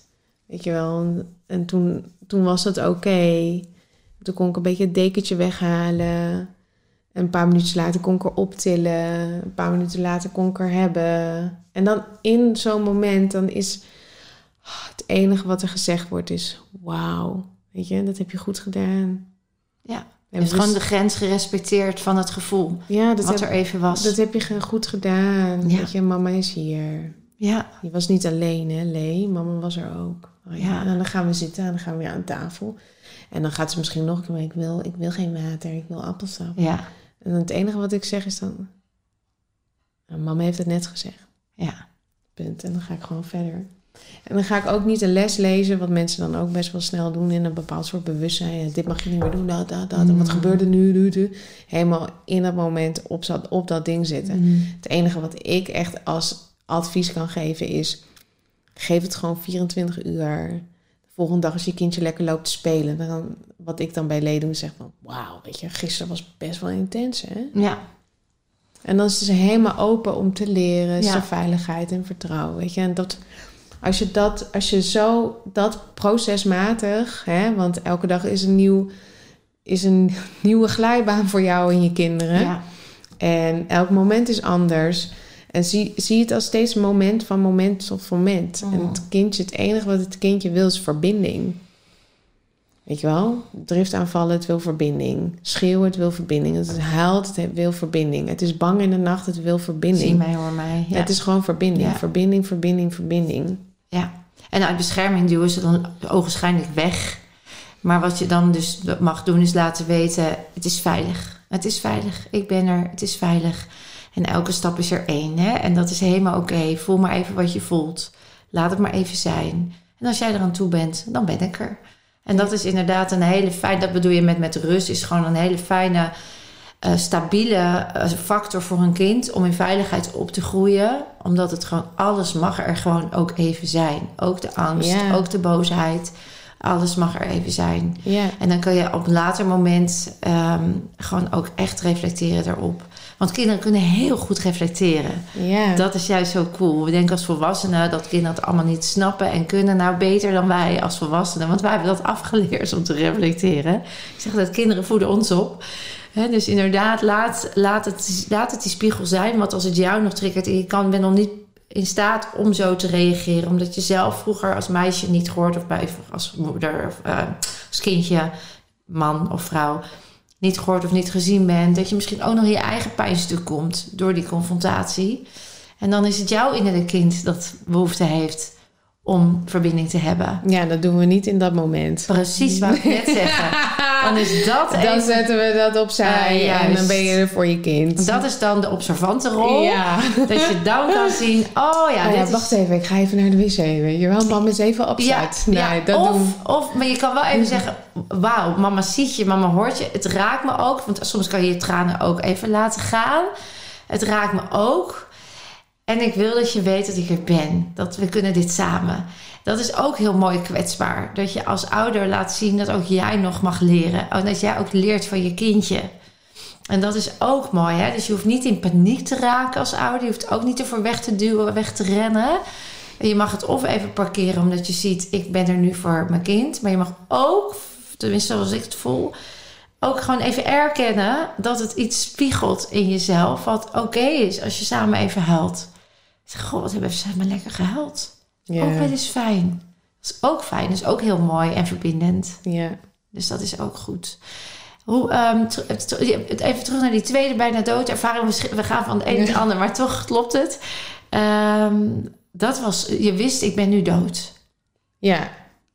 En toen, Ja, en toen was die ontploffing. die ontploffing. En toen had die ervaring, ik weet ook niet hoe lang die ervaring geduurd heeft. Dat is gewoon, ja, voor mijn gevoel is dat een eeuwigheid geweest. Maar dat is het natuurlijk niet geweest. Ik heb geen idee. Nou ja, die eeuwigheid is er, alleen het Ja. is hier in tijd. En dan kom je terug, hè. En dan, Ja, hoe kwam je nou, hoe, ik viel gewoon terug. je voelde het gebeuren. Ja, het was voor mij gewoon... Er wa- waren bij mij ook geen vragen of... Er was niet een soort, hmm, ga ik terug of niet? Of ik heb nog dit en dit en dit te doen. Of het was voor mij gewoon eh, allemaal heel... eh, En die man met die bril, ben je er achter wie dat is? ja, Mag ik dat delen? dat is Sardena. Sadena? Ja, en dat is mijn eh, gids of beschermengel? Ja. En die kwam langs en die zei, nee, je gaat gewoon terug. Of, Nee, die kwam ook zei- niet langs. Die was er gewoon? Nee, die was er ook niet. Oh, ik dacht dat je zei, ik zag een man met... eh, met... Die kwam in het ziekenhuis in de intensive care langslopen. Oh, oké. niet toen in het dat- moment toen het gebeurde. Ja, toch? Ja, toen ik me bij de dat doodervaring had, ik, kwam die binnen. Maar zeg maar de ervaring van de ontploffing en Dat zeg maar was- dat, daar was hij niet daar meer. was hij helemaal niet bij. Nee, nee. En, Toen, en toen je terugkwam, toen je Toen was hij er wel. Ja, dat bedoelde ik ook. Dat het, Ja. Dus hij, hij hielp je weer met het teruggaan. Ja, en daarna heeft hij mij wel veel Geholpen. geholpen en geleerd. Veel geleerd en geholpen. En toen heb ik hem heel lang niet meer gezien. Ik denk jaren niet. Ja. Eh, heb je ook het idee dat alles heeft een frequentie, alles heeft een bewustzijn? ehm, dat sommige mensen die niet terugkomen, dat dat dan ook gewoon, dan is dat ook oké. Want jij bent teruggekomen en heel veel mensen kunnen niet, eh, die zeggen ja, maar waarom gaat de een wel dood en de ander niet? Die zitten nog in een soort van, dat is toch oneerlijk? Ja, maar dat heeft ermee te maken met dat het gewoon zo bepaald is. Ja, precies. Dat het is zeggen. bepaald door ehm, het, het verhaal wat je aan het spelen bent. Maar dit, dit is al bepaald voordat je geboren werd. Dus voor mij was, hè, daarom is dat weten, er, het was het ook zo simpel voor mij. Ja, dit, hier heb ik voor getekend. Dit is, de, dit is, dit is wel wat Deze ik weet wat er is. ik hebben. Ja. Ja, en dan. En, en dus heeft het niks dus met te maken met oneerlijkheid of eerlijkheid. En begrijp me niet verkeerd, hè, ik heb ook dierbaren verloren. En dat is echt, echt, echt verscheurend. Dat is weer iets wat wij hebben dan te leren. Detached. Maar- Ja. Ehm, waarom gaat de een dood en de ander niet dood? Ja, dat, dat is gewoon bepaald al. Heb jij en ik hebben daar, hebben daar wat op te zeggen gehad op een heel ander niveau. Omdat Ja. je ervoor gekozen hebt. Maar je hebt er op dit niveau van dit bewustzijn heb je daar niks op te zeggen. Ik vertelde jou even over eh, toen Maurice in uh, comateuze toestand lag. En ehm, ik voelde heel erg zijn, zijn struggle. Hij vertelde dus later dat hij eh, aan een soort grensovergang heeft gestaan. Waarbij hij ehm, zo... Het was zo druk. Er waren zoveel mensen die over moesten en die overgingen. En dan vond het ook heel, sommigen ook heel moeilijk. En hij vond het ook emotioneel en zo. En eh, ook kindjes. En er ging van alles. En hij heeft ze heel erg geholpen. Want het was echt heel druk, zei hij. Maar het was zo druk. Ik heb ze Het is ook druk. ja, ja. En ze- ik heb ze geholpen. En, eh, en toen ineens kwam er een soort... eh, ik, ik, ik, ik hoefde er niet overheen.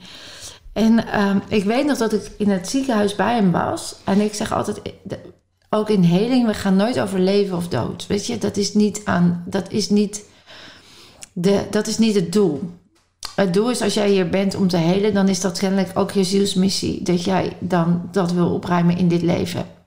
En ehm, ik heb zo gevoeld bij Maurice dat hij echt op een tipping point stond. Want zijn hele strategie tot nu toe, tot het moment van het ongeluk, was willen verdwijnen. En dan in eerste instantie middels drugs en alcohol. En alles maar ergens uit willen, zeg maar uitzoomen. En een coma is natuurlijk ook een vorm van weer verdwijnen, weet je wel. En ik weet nog dat ik tegen hem sprak en dat ik. eh, want ik voelde zo, zo, zo'n conflict. En ik dacht, ja, ik snap dat jij in coma blijft, bijna. Ik, en toen heb ik hem helemaal herkend. Eigenlijk wat jij met je kindje doet, heb ik gewoon alles. Ik ben gewoon gaan zitten en ik heb hem herkend en erkend. En ik zei alleen maar, schat, jeetje, wat moet jij in gevecht hebben? Wat moet jij nu? Je wilt allemaal alleen doen. Je bent alleen goed genoeg voor jezelf als je de, de, de sterke vader bent. En die, weet je, de kwetsbaarheid mag er niet zijn. En, en ik begrijp het heel goed ook als je besluit te gaan. En helemaal alles gewoon heel erg erkend ook. En, en eigenlijk precies die stap. En het raakt me ook nog van het aanraken naar... Als het oké voor jou is om terug te komen, dan is dat heel erg fijn. En als het niet oké is, is het ook goed. En na twintig minuten, toen ik zo met hem die, die inductie deed eigenlijk...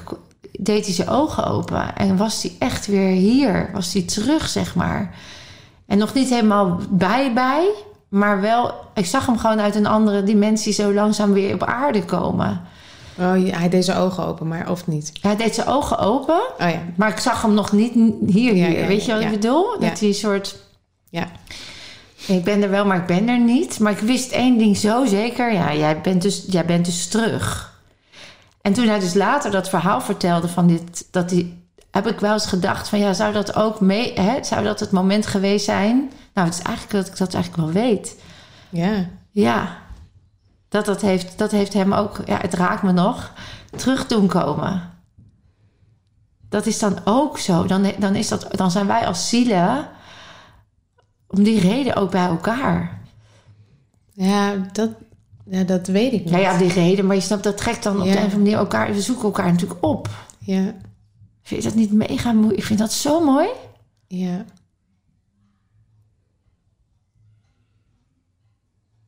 Ja. Dat is toch bizar? Ja. En we zijn, we zijn later nog eens in een, ehm, in een hele mooie, diepgaande verbinding, moment samen. Zijn we allebei heel erg diep in onze, in onze ja, onbewuste zelfgeheugen gekomen. Echt in een heel fijn. En toen hebben we ontdekt dat wij al veel eerder samen een relatie hebben gehad. Echt in de Maya-tijdperk. Waarbij hij mij verloren heeft. Dus toen waren de rollen omgedraaid. Mm. En hij kon toen niets doen om mij terug te halen. En ehm, ja, ik voelde zo'n connectie met het hier en nu toen. Dat dat dus nu ook op een andere manier weer uitgeleefd wordt of zo. Of, of de- verwerkt wordt.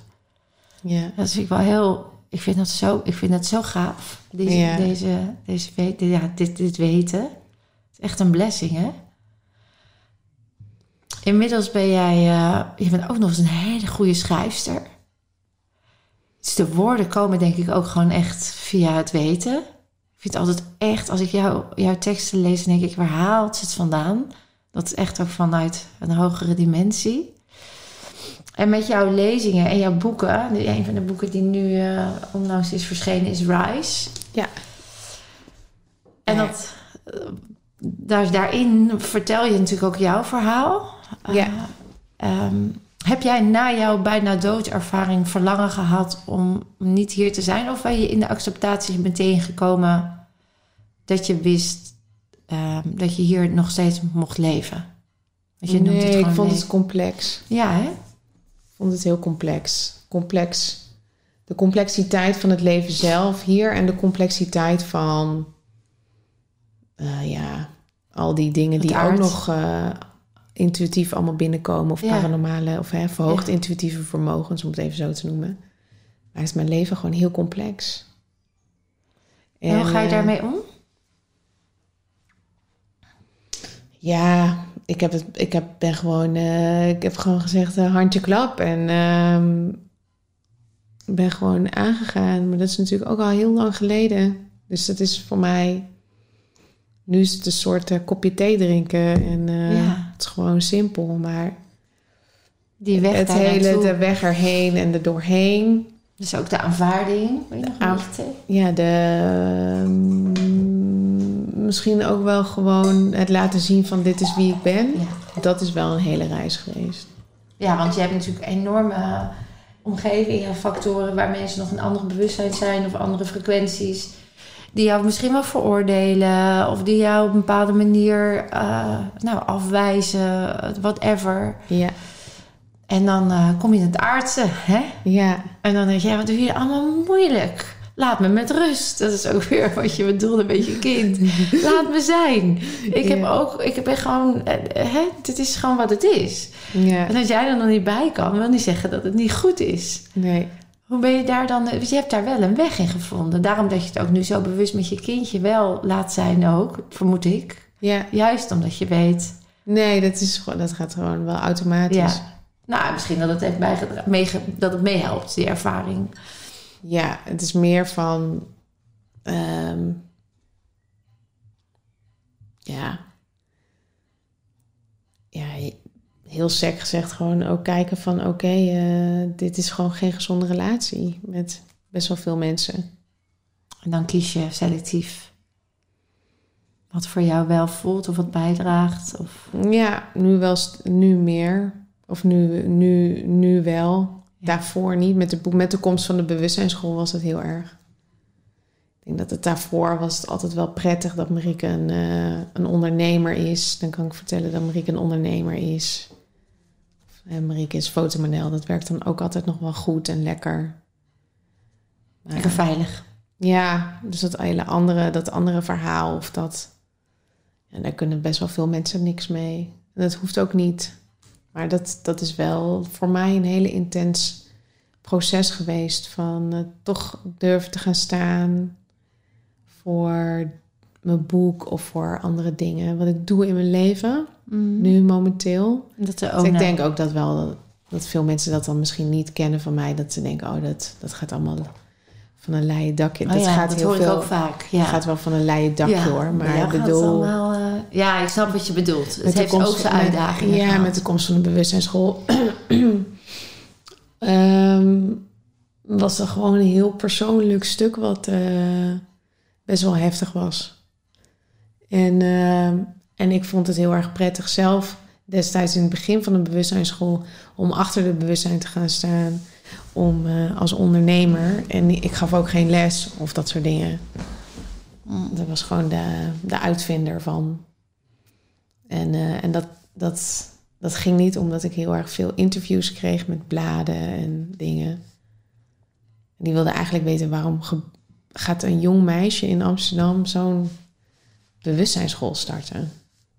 Er was toen nog helemaal niks van dat. Nee. Dus ik was een voorloper daarvan, of dat ben ik. En dus moest ik zeg maar over mezelf gaan praten en dat vond ik niet zo prettig. Want? Nou, ik moest praten over. eh, ik had natuurlijk een heel riedeltje bedacht over van ja, ik heb een bijna BDE gehad, dus daar heb ik wel een ervaring aan overgehouden. Of weet je wel, ik, ik- Mhm. ik had het gewoon nooit zo over mezelf. Was dat dan onveilig? Was dat omdat je dan het gevoel had dat je afgebrand kon worden? Of eh, dat je dan in de, dat je niet begrepen zou worden? Nee, het was met, met mijn BDE of mijn hele ziekenhuis. hè, Daar heb ik gewoon tegen mezelf gezegd: ik ga hier nooit over praten. En dat is natuurlijk hè, met, eh, met Pim van Lommel wat. eh, ja, dat hebben heel veel mensen met een. BDE. En, en dat is dan omdat het zo onbegrijpelijk is. A, niet goed in woorden te pakken. Ja, je kan het niet verwoorden. Het is echt een ervaring. Het is gewoon een ervaring. Ja. Het zijn verschillende ervaringen geweest. Want ik heb best wel lang in het ziekenhuis gelegen. Je hebt er meerdere keren dus echt op, dat, op dit grensgebied gelegen. En ehm, het, is, het is gewoon... Weet je, je bent 16, je bent jong. Ja. De wereld gaat door. Je vriendinnen gaan door. Ik had net een vriendje. Het gaat allemaal door. Alles gaat gewoon door. Maar ja, maar niet in die depressie. Want de, in de documentaire van Pim van Lommel, eh, Eindeloos Bewustzijn, is er ook een meisje die ook op, op vrij jonge leeftijd eh, aan de fiets door een eh, auto wordt uh, Ja. geschept. Heb je waarschijnlijk ook gehoord. Nee. Oké, dat is een jonge meid. Ik denk dat ze 18 was. En dan wordt ze geschept en die heeft dan ook een bijna doodservaring. En zij heeft dus ook precies wat jij... Iedereen heeft zijn eigen ervaring, hè? Want Ja. het, eh, er zijn heel veel Er manieren zijn zoveel om, eh, kleurtjes van het ja. spectrum van Ja, doodgaan. en dat Dus heeft ook weer te maken met trillingen. En met frequenties. De ene zit bij een poort, de ander staat bij een grens, de ander ziet een eh, opa. Weet je, en dat zijn ook weer niveautjes van. Het is allemaal wel onderliggend aan alles in de thematiek zit. Dat Liefde. Liefde, fijn, heerlijk. Alles wat hier was is ineens nietig. En, hè? Ja, en zij beschrijft dan op een gegeven moment... zij, had, zij zat in een gezin. En eh, zij, ja, ze moest, zij, zij, zij was zichzelf gewoon helemaal kwijt. Hier op aarde. En misschien is ze zelfs nog wel een beetje daar gebleven. Dat ze gewoon niet meer kon aarden.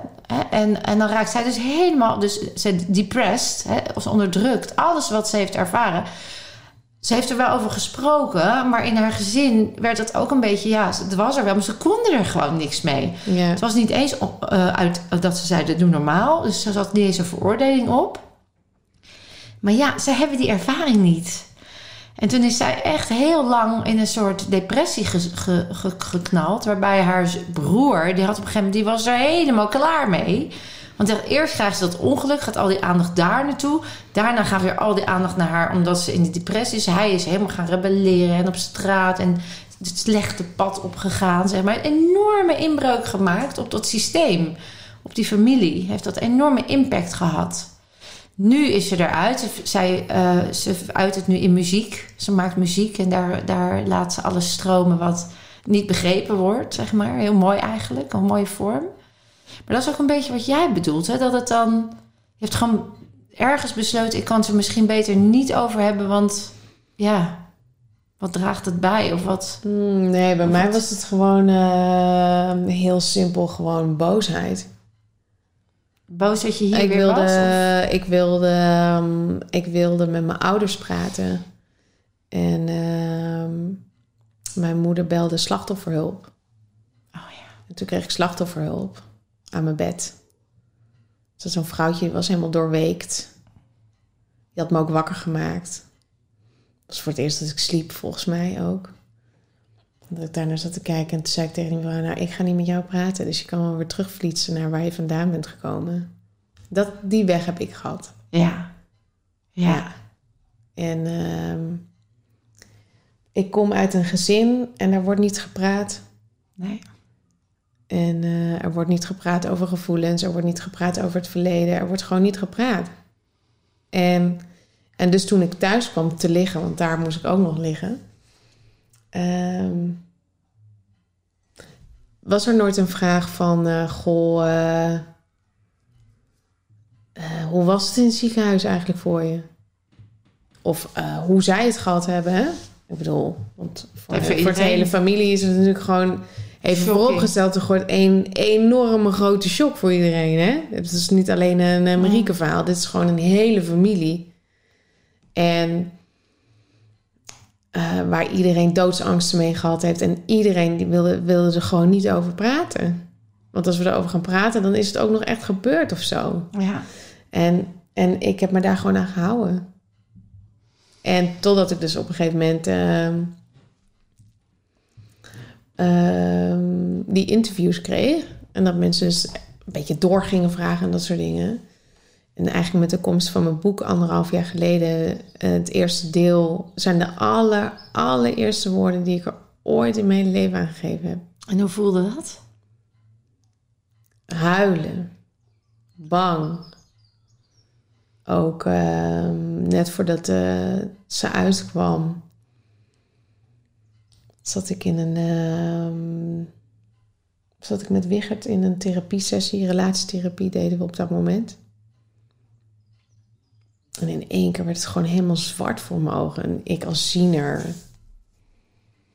Ik zeg, ik word gewoon niet goed. Ik moet kotsen. Weet je wel? Ik word gewoon echt niet goed. Het draait allemaal. Ik ben op de grond gaan zitten. Ik zie niet wat er is. Ik zie niet wat er is. Jan Wichert in die therapeut. Oh, het gaat helemaal niet goed met me, weet je wel. En in één keer, joh, gewoon koenk. Toen zag ik mezelf dus die strijd hebben. En die doodsangst. En dat kotsen gewoon. Helemaal. Weet je, dat helemaal herbeleven van eh, dat. Verschrikkelijk. Echt verschrikkelijk. Dit is di- precies wat je... En toen ja. ehm, ben ik daar uitgekomen. Ik ben er een heel cirkel doorheen gegaan. Geschreeuwd. Ook hè, bijvoorbeeld, eh, niemand heeft ooit aan me gevraagd hoe het ging of hoe het was. En eh, huilen, gewoon schreeuwen als een beest. En, en uiteindelijk was daar op een gegeven moment een soort van dat ik mezelf vasthield en dat ik tegen mezelf huilde. En dat ik zei, oh, sorry Marieke. Dat. Nou, het raakt je nog. Ja, was zo intens. sorry. Weet je? Ja. Die hele opsluiting. Lieve kleine Marieke. Nou, Ja. gewoon die 16 jaar. Gewoon, ja, het is ja, gewoon, 16-jarige, ja. het is gewoon eh, dat. En toen ben ik denk een paar weken heb ik daar wel zo Even- rauw en heel open. Ik ben toen ook naar mijn collega's gegaan, een dag erna of zo, twee dagen later. Ik werk met eh, acht, negen vrouwen met de school en de organisatie. Dacht, ik ga daar gewoon heen. Ja. Toen heb ik het gewoon allemaal verteld. Wauw. Ja, dat was wel... Dankbaar, hè? Je kwam uit het keurslijf, uit het aangeleerde stuk... wat je nog niet bewust was. Want het was ook gewoon wat het was tot die tijd. Dat is ook zo mooi wat je net zei. Want ehm, je zei ook van ik leef. En als het zich aandient, dan ga ik hem aan. Ja. Je bent hem aangegaan. En misschien nog niet bewust dat je al die jaren daarvoor dat gewoon nog niet kon. Hè? Want dat is ook, eh, dat is ook zo mooi in de expansie. Dat we dan eh, misschien nog niet bewust zijn dat we nog iets onderdrukken. Omdat we nog, eh, er nog niet bij kunnen. ja, ik geloof ook niet zo in de onderdrukking. Het is, het is, het is dat het er niet... ehm, het is dat het leven het niet geeft. Nou ja, Of blootgeeft. Ja, het is geen bewuste onderdruk. Het is niet dat je hebt gedacht, nou, ik even, even 16 jaar, of ik hoe lang. Denk even zo. En dan, ja, dus ik hou je even onder water.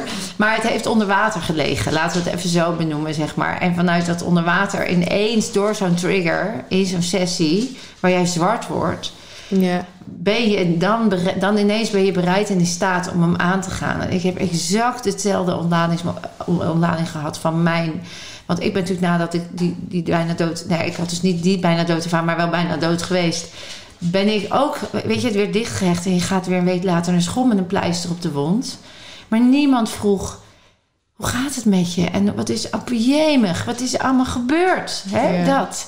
Nee, ik ging, ik ging gewoon door. Tot Ja. ik dus jaren later... Ik kreeg dan fysieke klachten. Oh ja. En ik kreeg dus echt een andere uitingsvorm... waardoor ik gewoon wist... Ik, ik, eh, ik wist het niet. Ik heb ook nog zeven jaar daar weer buiten mezelf gezocht naar het antwoord. Weet je wel? En de hoop dat ze dan... Ik had ook helemaal geen link gelegd met die heftige ervaring toen. Helemaal niet. Gewoon alleen maar... Ja, het pech. Ik had gewoon pech in mijn leven, weet je wel? Toen nog Ja. heel erg op die manier. Dus ik herken ook zo die, die gelaagdheid en die momenta, momentum, momenten dat je dan, dan ineens is het er. En dan, maar mooi eigenlijk, hè? En weet je wat ik het allermooiste vind, dat zal jij ook herkennen. Inmiddels, laat ik dat voorop stellen hoor, want het is ook echt een weg dat ik het nu kan omarmen. Weet je, als, dat ik, als ik nu, als zich een, eh, iets aandient waarvan ik nog zelf niet wist dat het er nog lag, dan, dan, dan, en dan laat ik het zo lekker gaan. Weet je, dan laat ik het zo stromen. Precies wat jij eigenlijk ook weer zei over met je, met je dochtertje. Of gewoon dat als het zich aandient, dan mag het er dus zijn. En dat is zo'n ja tegen alles in jou. Dat, die kleinere delen, dat hebben we dan, om het maar even aard te benoemen, zeggen we het kleine innerlijke kinddeel. Maar het zijn gewoon natuurlijk delen van de ziel die weer vrij mogen worden en verlicht worden. Ja, ik vind dat echt heel mooi zoals je het beschrijft. En het zou zomaar kunnen dat er nog laagje... Want als ik hoor, dat je ook echt... Jij bent zo bedoeld om, om te stralen, zou je kunnen zeggen. Want je straalt echt in alles. En daar jouw uitdaging is om, om, om dat in alles te kunnen laten zijn. En daar ben je natuurlijk onwijs uh, al uh, heel ver in. Want je bent nog hartstikke jong. En toch eh, heb je het allemaal even zo gedaan. En ondanks alle veroordelingen, silence, hè, treat- silent treatment, noem het maar, heb je wel jezelf die weg gegund. Het is een diepe, diepe buiging en respect voor jou. Dankjewel, ook voor Ja. jou. Ja, het is onwijs mooi. Prachtig. Ja, echt heel prachtig en krachtig. Dus mensen eh, die dit horen en voelen, want dat is het vaak, als het resoneert, dan is het je moment. Dan mag je je, ja, die hond heeft lekker een bot gevonden. Dan mag je je onvoorwaardelijke liefde voor jezelf steeds meer laten ontluiken. En dat eh, elke stap is er één. En dit boek kan zomaar weer, eh, als het op je pad komt, eh, weer dat mooie stukje bijdragen. Hoe is het met je, Marieke? Op dit moment? Goed. Happy? Ja. Leef je je leven zoals het zich ontvou- ontvouwt? Ja. Weet je je plan al? Want je bent natuurlijk een ziener. Heb je al, eh, weet je, je eigen eindigheid? Weet je wanneer het voor jou eh, momenten zijn om weer andere stappen te maken? Ik weet ook mijn eigen, mijn eigen eindigheid. Echt? Ja. Oh, Die heb ik gezien. en Ja. wanneer is dat? Eh, ja, een beetje zo 5, 86 in de armen van mijn partner. In Wauw. bed. Dat heb je al gezien. Dat heb ik gezien. En is dat dan ook de partner die je nu hebt? Het is de partner die ik nu heb. Ja, Ja. dat is echt je levenspartner, hè? Ja. Dat heb je ook zo sterk gevoeld. Daar heb je een hele mooie post ook over Ja, geschreven. en, eh, ja. En we kunnen ook heel veel niet met elkaar. Ja, ja, dat mag Maar ook. het maakt het gewoon heel simpel. Ja. Heel simpel. ja, maar wat ik zo mooi vind aan jou, dat hebben mensen even gemist. Maar in het verhaal vooraf hadden we al meteen een mooi diepgaand stukje over relaties. Ik ben 28 jaar bij Maurice. En in al die 28 jaar voor, vinden we steeds meer dat de vorm minder belangrijk is. En de liefde die er is. En waar, het, waar, het, waar we leren en elkaar groeien en laten bloeien, is het fantastisch. Je hoeft dan niet krampachtig vast te houden aan iets wat niet dient of zo, weet je wel. Dat mag er ook gewoon zijn, maar je kan het ook gewoon loslaten. En jij hebt daar heel bewust een keuze in gemaakt om dan te zeggen... nou, ik voel ook de behoefte om mijn eigen leven te leven. En tegelijkertijd ben ik zo onwijs fijn met mijn levenspartner. Ja, Jij hebt echt daar een weg in gevonden om dat samen te hebben. Los ook van elkaar. ja, Dus in verbinding en toch los ook. ja, Ja. Ja. Kan jij te alle tijden met jezelf in verbinding zijn? Ehm, ja, Ja. ja. En kun jij eh, te alle tijden met anderen verbinden?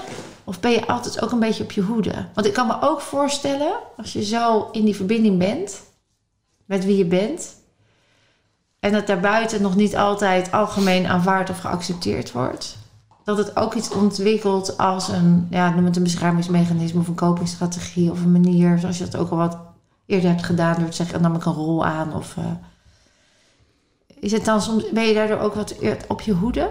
Kijk je eerst goed de kat uit de boom? Observeer je? Of ga je overal vol in en zie je het wel? Nee, ik, ga gewoon, ik stap er niet vol in. Ik stap erin. Ja, En dan. ehm, ik denk dat het heel belangrijk is, is om te beseffen als je ergens ingaat en in relaties, om met wie je dan ook al wel tegenkomt, hè, heel bekende of naasten of wat, hè, familie, vrienden of vriendinnen, dat het heel belangrijk is, is dat de besef van mijn enige intentie is om de liefde uit te dijen, hè, of te laten, te laten gaan. En laat ik de liefde stromen als ik het hierover ga hebben? Of ga ik de liefde laten stromen als we het hierover gaan hebben? ja, En ik geloof dat dat het allerbelangrijkste is. ja, Dus het ontstijgt misschien meer van Marieke van Meijeren. Van eh, kan ik mezelf laten zien of niet? Is niet meer een aspect wat aan de orde is. Er is meer een vraag van de liefde wil stromen. Ik ben nu bij die. Waar gaan we het dan over hebben? Hoe ervaren mensen jou? Als intens. Intens in de zin van confronterend? Of Als intens. ja, gewoon intens. Je voelt dat met de energie. De, ja, dat ja, dus dat kan soms ook voor mensen spannend zijn. Of eh, Spannend, intens. Ja, eh, humoristisch, ja, licht. ja. Vooral humor. Ja. Maar, maar intens. Ja. Aanwezig. Aanwezig zijn of aan, aanwezig iemand voor je hebben is blijkbaar intens. Ja. Ja. Ja. een spiegel. En dat is een beetje wat het is. Maar ja. en wat betreft de relatie met mijn partner en hoe je dat in kan delen. Ja, ik denk dat het vroeger heette een latrelatie. Maar Ja. ik geef er niet de naam aan. Maar Nee. het is wel op verschillende manieren... heeft het wat vorm gegeven. Ja. En daar heb, daar heb ik wel bewust voor gekozen. En daar kies ik ook steeds bewust voor. Ja. Ja, je, ben- je blijft eigenlijk steeds even weer ook een zo'n stilstaan moment. Wat ik echt iedereen zou adviseren om te doen. Voel, tune even in. Ja. Voelt het, draagt het bij aan de liefde, draagt het bij aan verbinding enzovoort. En als ja, het, ja. En, en daar komt voort ook weer uit een heel... Ja, weet je wel, bijvoorbeeld wat je net zei van... eh, en, en nu dan? Ik ben eh, een, echt een geek met koken. En eh, eh, dat is het enige wat ik een beetje kijk op mijn telefoon. Dus één keer in de week is een... komt er zo'n vlog vrij van zo'n... ik ga helemaal... van zo'n Chinese mevrouw die woont bij, in een rural gebied. Yunnan heet Oh, dat. Ja? En die woont zeg maar met haar familie en die zorgt voor haar oma en opa. Heel, heel communitygericht, maar die, die leeft dus van het land. En die maakt daar dan een recept van en die kookt dat. En ik, ik, kijk, ik kijk dat denk ik al drie jaar of zo. En ik vind dat zo fantastisch. Zo fantastisch. Maar het is niet dat ik in China ga wonen nee, of zo. denkt, weet ga ook een stukje land daar kopen. Ja, en ehm, wij zijn ehm, in oktober zijn we naar Italië gegaan. In de Italiaanse Alpen.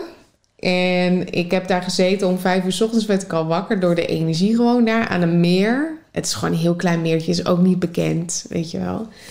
En ik ben daar gaan zitten en het enige wat ik dacht was van... Wow, dit is gewoon het paradijs, weet je wel. Een soort... Ja. Alsof het bijna een soort... Ja, dit is het. En nu hebben we daar zeg maar aan, op de berg... en met de uitzicht over eh, het meer... Meer. hebben we een huis gekocht. Wij gaan de hele zomer gaan we daar maanden heen... om het huis te verbouwen en te doen. En, en ik heb daar dus ook uiteindelijk dus echt... duizenden vierkante meters aan land rondom. En achter mij is het is gewoon oerbos, gewoon de, de Alpen. Geweldig. Dus daar kan ik dan wel. Ik, ben, ik hou heel erg van eh hiken en in de bergen en in de natuur zijn. En mijn vader en ik zijn, eh, gaan al sinds vijf, zes jaar, of elk jaar gaan we samen op een bergtocht. Dat eh, verbaast me niks. Het is natuurlijk de hogere hoogtes. en Ja. ehm, ik weet wel dat ik toen ik daar was. En dan zie ik ook filmpjes. En dan denk ik, Ja. Oh ja, dan denk ik, oh ja, weet je wel, een paar jaar geleden had ik steeds filmpjes van dat ehm, ik in een vliegtuig zat terug naar Nederland om te werken. Ja. En dat Wiggert bij het gezin bleef.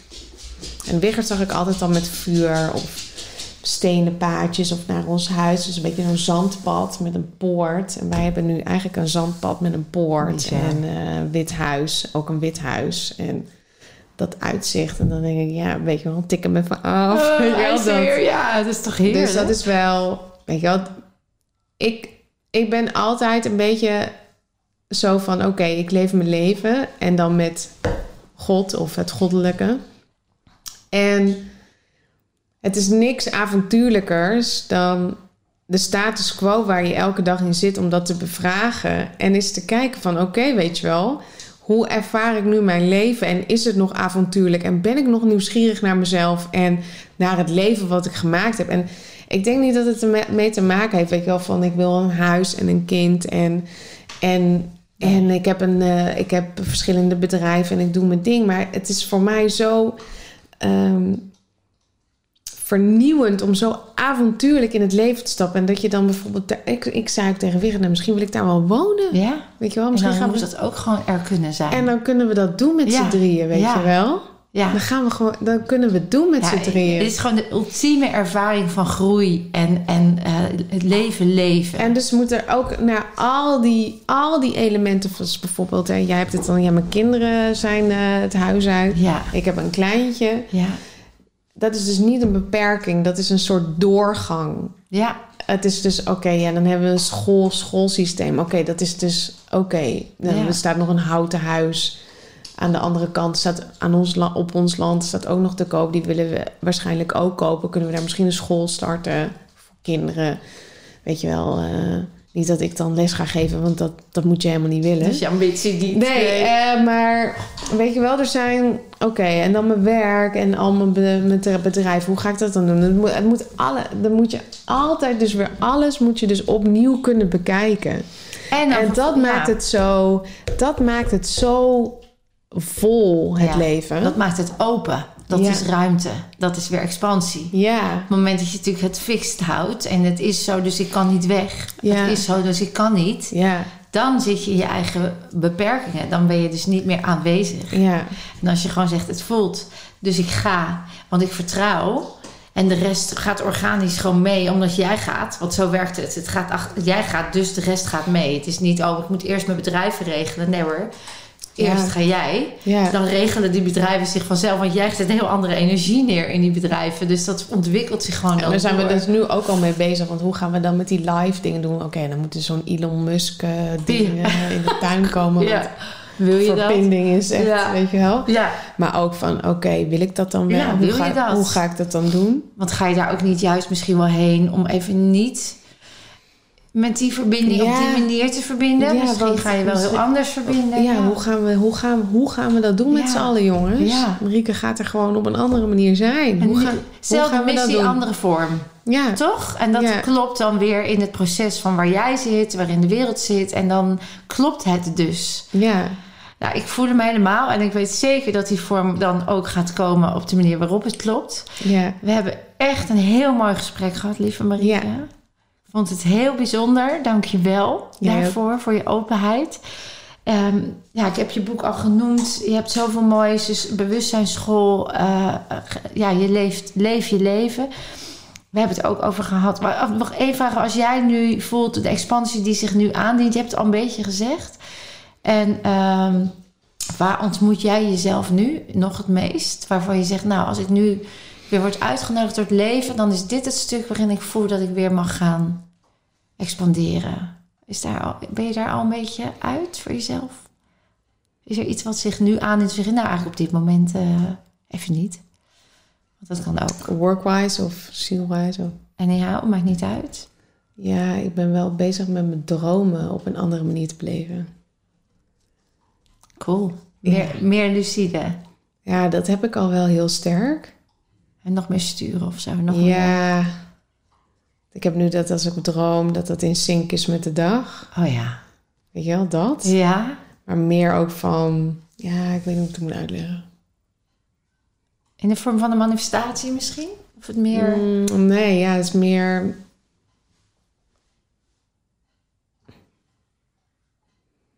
Ik weet niet hoe ik het moet uitleggen. Nee. Dat. In een andere vorm. Ja. Want als dat er zou zijn dan... Als die andere vorm er zou zijn, wat zou dat dan opleveren? Nou, het levert niet op, maar het is gewoon een andere vorm van contact met het goddelijke. En ik denk dat ik ergens daarvoor. Daarvoor ook al wel. Het is, het is, een, het is een nieuwe nieuwsgierigheid. Meer een verdieping. Ja, ja. En Dat- misschien zit het ook wel nu nog vast in de vorm van s'nachts. Dat je dan daar...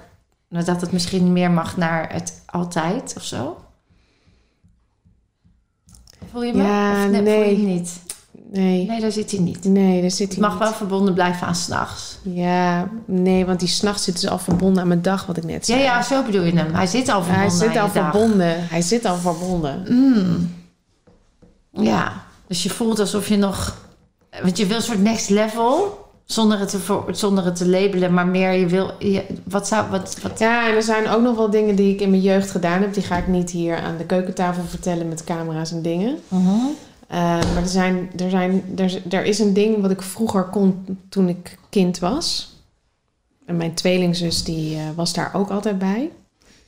Dat zou ik wel weer kunnen. Dat, omdat, Dat zou je weer wat- willen. dat zou, ik, dat zou ik in mezelf weer willen kunnen doen. En dat... En ik weet niet wat dat van mij gaat vragen. En je tweelingzus was erbij. Als ik dat deed. Want jij hebt een tweelingzus, dat Ja. wist ik niet. Oh, en die leeft? Ja hoor, die ja, leeft. die leeft. Jullie zijn samen geboren. Heeft zij ook diezelfde gaven als die jij hebt? Dus Eh, diezelfde bewustzijn? Of zit ze op een andere frequentie in heel veel dingen? het is gewoon anders. Ze is anders. Ja. En ehm, zij was daar altijd bij. Ja. Dus het he- is dat dan ook gekoppeld aan haar? Nee, is niet gekoppeld aan haar. Maar het was wel een soort van wow, weet je wel dat? Oh, cool. Je maakt ons wel heel nieuwsgierig nu. Ja, eh, dat zou ik, voordat ik mijn laatste adempje uitblaas... Nog wel eh, dat zou ik dan, ja... weer... Want er zijn zoveel dingen die we kunnen... ja. wat we met de geest niet kunnen begrijpen. En ik zei al een beetje dingen bewegen, maar het is niet dingen bewegen. Nee, want daar zat ik ook al Ja. gelijk aan. Ik moet ook denken aan de Nialam grot, weet je wel, waar die, eh, ehm, hoe heet die, Boeddha, eh, die zo met zijn hand door de, door de grot eh, is gegaan. Een hele beroemde grot in Tibet. En daar is dus ooit heeft een hele grote ehm, boeddhistische monnik, die is daar gaan zitten omdat hij wist dat hij goddelijk was. En die zei, ja, het, materie is slechts een illusie dat ons tegenhoudt. Dus wij zijn gewoon alles is één. En toen heeft hij net zo lang geoefend op dat stuk. En toen heeft hij zijn handafdruk in die grot gekregen. En die kan je dus nu bezoeken. En hij heeft ook al zijn leerlingen daarin geleerd om dat ook vooral te kunnen. Omdat hij dus al wilde aantonen. Ja, oh, ik heb ook Ja. nog iets anders. Ja? Ja. Ehm, die had ik ook al een tijd, maar die wilde ik ook niet doen als Marieke zijn. Omdat ik het gewoon tien keer kut vind om, om in het wild te slapen en te doen. Oh ja. Maar ik had een visioen dat ik eh, met een eh, inheemse sjamaan van Noord naar South Dakota te paard rijd. En dan vraag me niet waarom of wat dan ook. Dat is gewoon Nee, iets dat is dan ik wat je de dan hele binnen- tijd zie. Ja. En nu voel ik het ook. En nu ben ik eh anderhalve maand geleden begonnen weer, want ik kan al paardrijden, maar ben begonnen met paardrijden om Ter voorbereiding. ter voorbereiding om te Zodat jij trainen. van Noord tot South Dakota gaat met een Ja. inheemse shamaan. Ja.